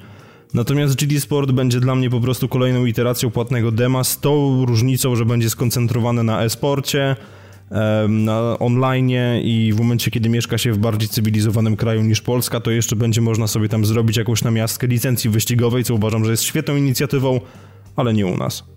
Bo no, u nas tego po prostu nie będzie. To jest dość smutne. Co nie zmienia faktu, że codziennie sobie to odpalam. Jest zresztą taka fajna mechanika w tej becie, która sprawia, że w momencie, kiedy przejedziesz dziennie 42 kilometry, Mm, jako taki daily workout to się nazywa dokładnie, to dostajesz nowy samochód do garażu i ja oczywiście codziennie chcę mieć nowy samochód do garażu, więc wyskakuję na Nürburgring i robię dwa albo trzy albo cztery kółka i robię sobie daily workout, a potem dostaję samochody, które są dość dziwne miejscami, bo wczoraj za dwa kółka dostałem Ferrari, no ale cóż, zdarza się. Ekonomia w tej grze nie jest najwyraźniej najmocniejszą stroną polyfony. Zdaje się, że film powstaje, nie? Gran Turismo. Tak? Tak, ja zaraz sprawdzę tylko, czy ja czegoś tutaj nie przekomuję, ale wydaje mi się, że, e, że powstaje film i że on jest oparty o, o ten cały, tą całą możliwość zostania prawdziwym kierowcą wyścigowym. Nie wiem, wiesz co, w momencie, kiedy mówisz do mnie film Gran Turismo, to mi się wydaje, że to jest ekipa, która razem z kamerami podąża za Kazunori Yamanouchi po, po, Yamauchi po wszystkich torach w Europie i pokazuje, jak on nie robi Gran Turismo, bo mniej więcej chyba do tego to się sprowadza. Bo ja nie wiem, kiedy ta gra wyjdzie, bo oni w końcu chyba sami do końca tego nie wiedzą i jakby otwarte beta testy miały być na początku tego roku, czy pod koniec zeszłego. Premiera w ogóle miała być pod koniec zeszłego, więc ja się naprawdę boję, kiedy to wyjdzie i mam niejasne przeświadczenie, że Gran Turismo Sport będzie konkurowało na półkach sklepowych z Forza Motorsport 7, która pojawi się przy okazji premiery Scorpio. Więc no... Chciałbym, żeby się skoncentrowali na tej grze i zrobili ją. Tak po prostu. I żeby zrobili rzeczywiście zaraz jak najszybciej po tym pełnoprawną odsłonę serii, gdzie będzie i cykl dnia i nocy, który był w szóstce, gdzie będą zmienne warunki pogodowe, które były w szóstce i tak dalej, i tak dalej, bo te GT Sport to jest świetny model jazdy, to jest trochę tak jak z Destiny, że po prostu jest genialna korowa mechanika, w przypadku Destiny strzelanie, a tutaj prowadzenie samochodu, ale cała reszta dookoła to tak leży i kwiczy trochę. Więc no, no nie wiem, czekamy na jakiś rozwój wydarzeń. Ja bardzo chcę po prostu pełnoprawną kolejną serię, znaczy kolejną odsłonę serii, bo wydanie GT6 u, schyłku jakby PS3 to moim zdaniem po prostu był wielki, wielki błąd. No ale znaczy to co, mieli wydać to na PS4 i by wyglądało jak na PS3, to przecież przy Drive Clubie to by ludzie to zjedli, nie? No tak, tylko wiesz, Drive Club nie pojawił się jeszcze przez kolejny rok na rynku mniej więcej. E, także, a, a GT Sport wygląda trochę tak jak GT6 działające w faktycznym Full HD i 60 klatkach. Więc w ogóle dla mnie ta gra miejscami wygląda tak, jakby ktoś kompletnie zapomniał o odpaleniu oświetlenia na obiekty wokół toru, bo same samochody owszem wyglądają całkiem nieźle. Już pomijam fakt, że ten aliasing tam jest i trawi to po prostu jak popierdzielony, bo nawet na pro nie ma super samplingu. Natomiast no, otoczenie torów po prostu czasami wygląda tak, jakby naprawdę ktoś po prostu nie włączył oświetlenia. Ło, ale można, można Porszakami jeździć. E, tak, bo ostatnio właśnie, nie wiem czy o tym nie mówiliśmy Tak, mówiliśmy, ale nie wiedziałem, że to akurat, znaczy zapomniałem, że to akurat do tej gry trafi. No tak, tylko że jeszcze tego nie ma, bo to prawdopodobnie będzie dopiero w pełnej wersji i póki co, owszem, chyba nawet dzisiaj, w momencie kiedy to nagrywamy, e, pojawiło się wideo, które pokazuje jak dwie 911 GT3 RS jeżdżą po Nürburgringu, ale no ja jeszcze łap na tym nie położyłem, więc trudno jest mi powiedzieć, co nie zmienia faktu, że widziałem już ujęcia za kierownicy i bardzo mi się podoba, jak jest perspektywa przedstawiona, więc no grałbym. A jest, kierowni a jest kierownica, czy... A są ręce na kierownicy, czy sama kierownica? Są ręce na kierownicy i mało tego, Gran Turismo od czasów piątki ma bardzo fajny patent polegający na tym, to, jest, to może być traktowane jako pewnego rodzaju podpowiedź. Natomiast chodzi o to, że w momencie, kiedy wymagana jest jakby od nas zmiana biegu, czy to wyżej, czy to niżej, bo obroty są za niskie, to kierowca jakby automatycznie przekłada rękę na, na drążek zmiany biegów, co jest bardzo ok, bo w Fordzie na przykład tego nie ma. Plus Forza Motorsport 5 i 6 ma jakiś dziwny problem z tym, że kierowca w ogóle dostaje spazmatycznych ruchów rąk w momencie, kiedy nawet nie musi zmieniać biegu, ale po prostu w trakcie jazdy. I zaczyna ruszać palcami tak jakby próbował zmieniać biegi łopatkami, w momencie, kiedy ani wcale nie musi tego robić, ani gracz nie wydał takiego pozwolenia i robi to nawet w samochodach, które nie mają funkcji zmiany biegi, biegów łopatkami. Więc no, to jest dla mnie strasznie wybijające, jak jeżdżę właśnie w Fordze w szóstej części Forcy i nagle się okazuje, że po prostu on, nie wiem, no jakieś ruchy paralityczno-drgawkowe uskutecznia. Więc no, w każdym razie kierownica w grze jest, tak, jak najbardziej, ręce na kierownicy są i naprawdę są bardzo fajnie zrobione i to już zresztą od dwóch części. Więc no, nie chcę czekać, ale czekam. A na, a, a, a, a na to, to na y, te... Mm, y, druga część teraz wyjdzie, tych y, Project Cars. Project no? Cars. Project Cars. Mm, nie, chyba nie. Wiesz co, to jest już chyba trochę taki zbyt hardkorowy, jak na osobę, która po prostu nie ma w domu takiego normalnego riga i kierownicy i tak dalej. Także chyba, chyba sobie odpuszczę. To znaczy, jeżeli będę miał okazję zagrać, to oczywiście zagram i pewnie skończy się to tak, że teraz mówię, e, nie czekam, a potem po prostu będę siedział i napieprzał kółka. No ale to już tak po prostu bywa. Ale dobra, myślę, że dość już o becie Gran Turismo, bo to miało być tylko takie uzupełnienie małe.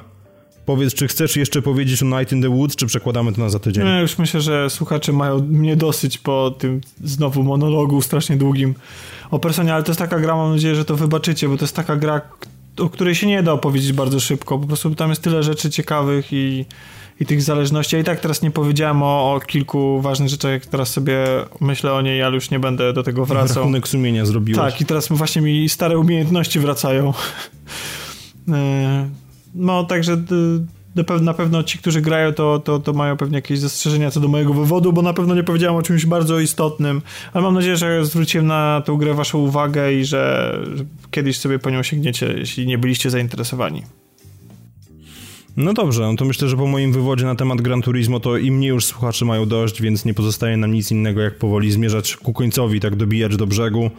Wypada jeszcze tylko powiedzieć o premierach w tym tygodniu, które jeszcze zostały tak o dziwo, mimo faktu, że nagrywamy to w środowy wieczór dość późny, to jeszcze coś w tym tygodniu się pojawi i będą to takie gry jak Dragon Quest Heroes 2 28 kwietnia, Little Nightmares 28 kwietnia, Tfu, Mario Kart 8 Deluxe 28 Spodziewałem się takiej reakcji. Domku, czy kupujesz? Oczywiście. W dniu premiery? Eee, Wiesz to chyba tak, bo wtedy najwięcej osób będzie grało, rzuci, rzucą się wszyscy. No mi się wydaje, że jak masz w perspektywie długi no weekend majowy, to głupio by było tego nie kupić. Ale prawdę mówiąc, ale nie chcę też z drugiej strony się odrywać od tej persony, chcę ją sobie skończyć, ale, ale tak, kupię, żeby, żeby, żeby później nie, nie narzekać, że na przykład mi się zachce w poniedziałek, a tu nie będzie po prostu, bo sklep będzie zamknięty. Więc tak, tak, tak. Tomasz Pieniak. Tak dużo gier. Tak mało czasu. I na koniec tego wszystkiego zostaje nam jeszcze coś, co nazywa się Puyo Puyo Tetris. Nie mam zielonego pojęcia o co chodzi, ale też pojawi się w piątek to, 28. To jest więc... zbawca ludzkości. Tak twierdzą fani. Ja nigdy nie grałem, kocham Tetrisa. Czyżby, ale... czyżby, ja nie wiem dlaczego, ale nazwa Puyo Puyo Tetris w jakiś dziwny sposób kojarzy mi się z jednym z naszych słuchaczy, niejakim Jackiem K., którego serdecznie pozdrawiam w tym miejscu. Czy on czasami o tym czegoś nie mówił? Nie no, y, wszyscy, którzy mieli okazję zaznać zajebistości tej gry są, stają się jej absolutnie nie tylko ambasadorami, ale wręcz e, no apostołami bym powiedział, o.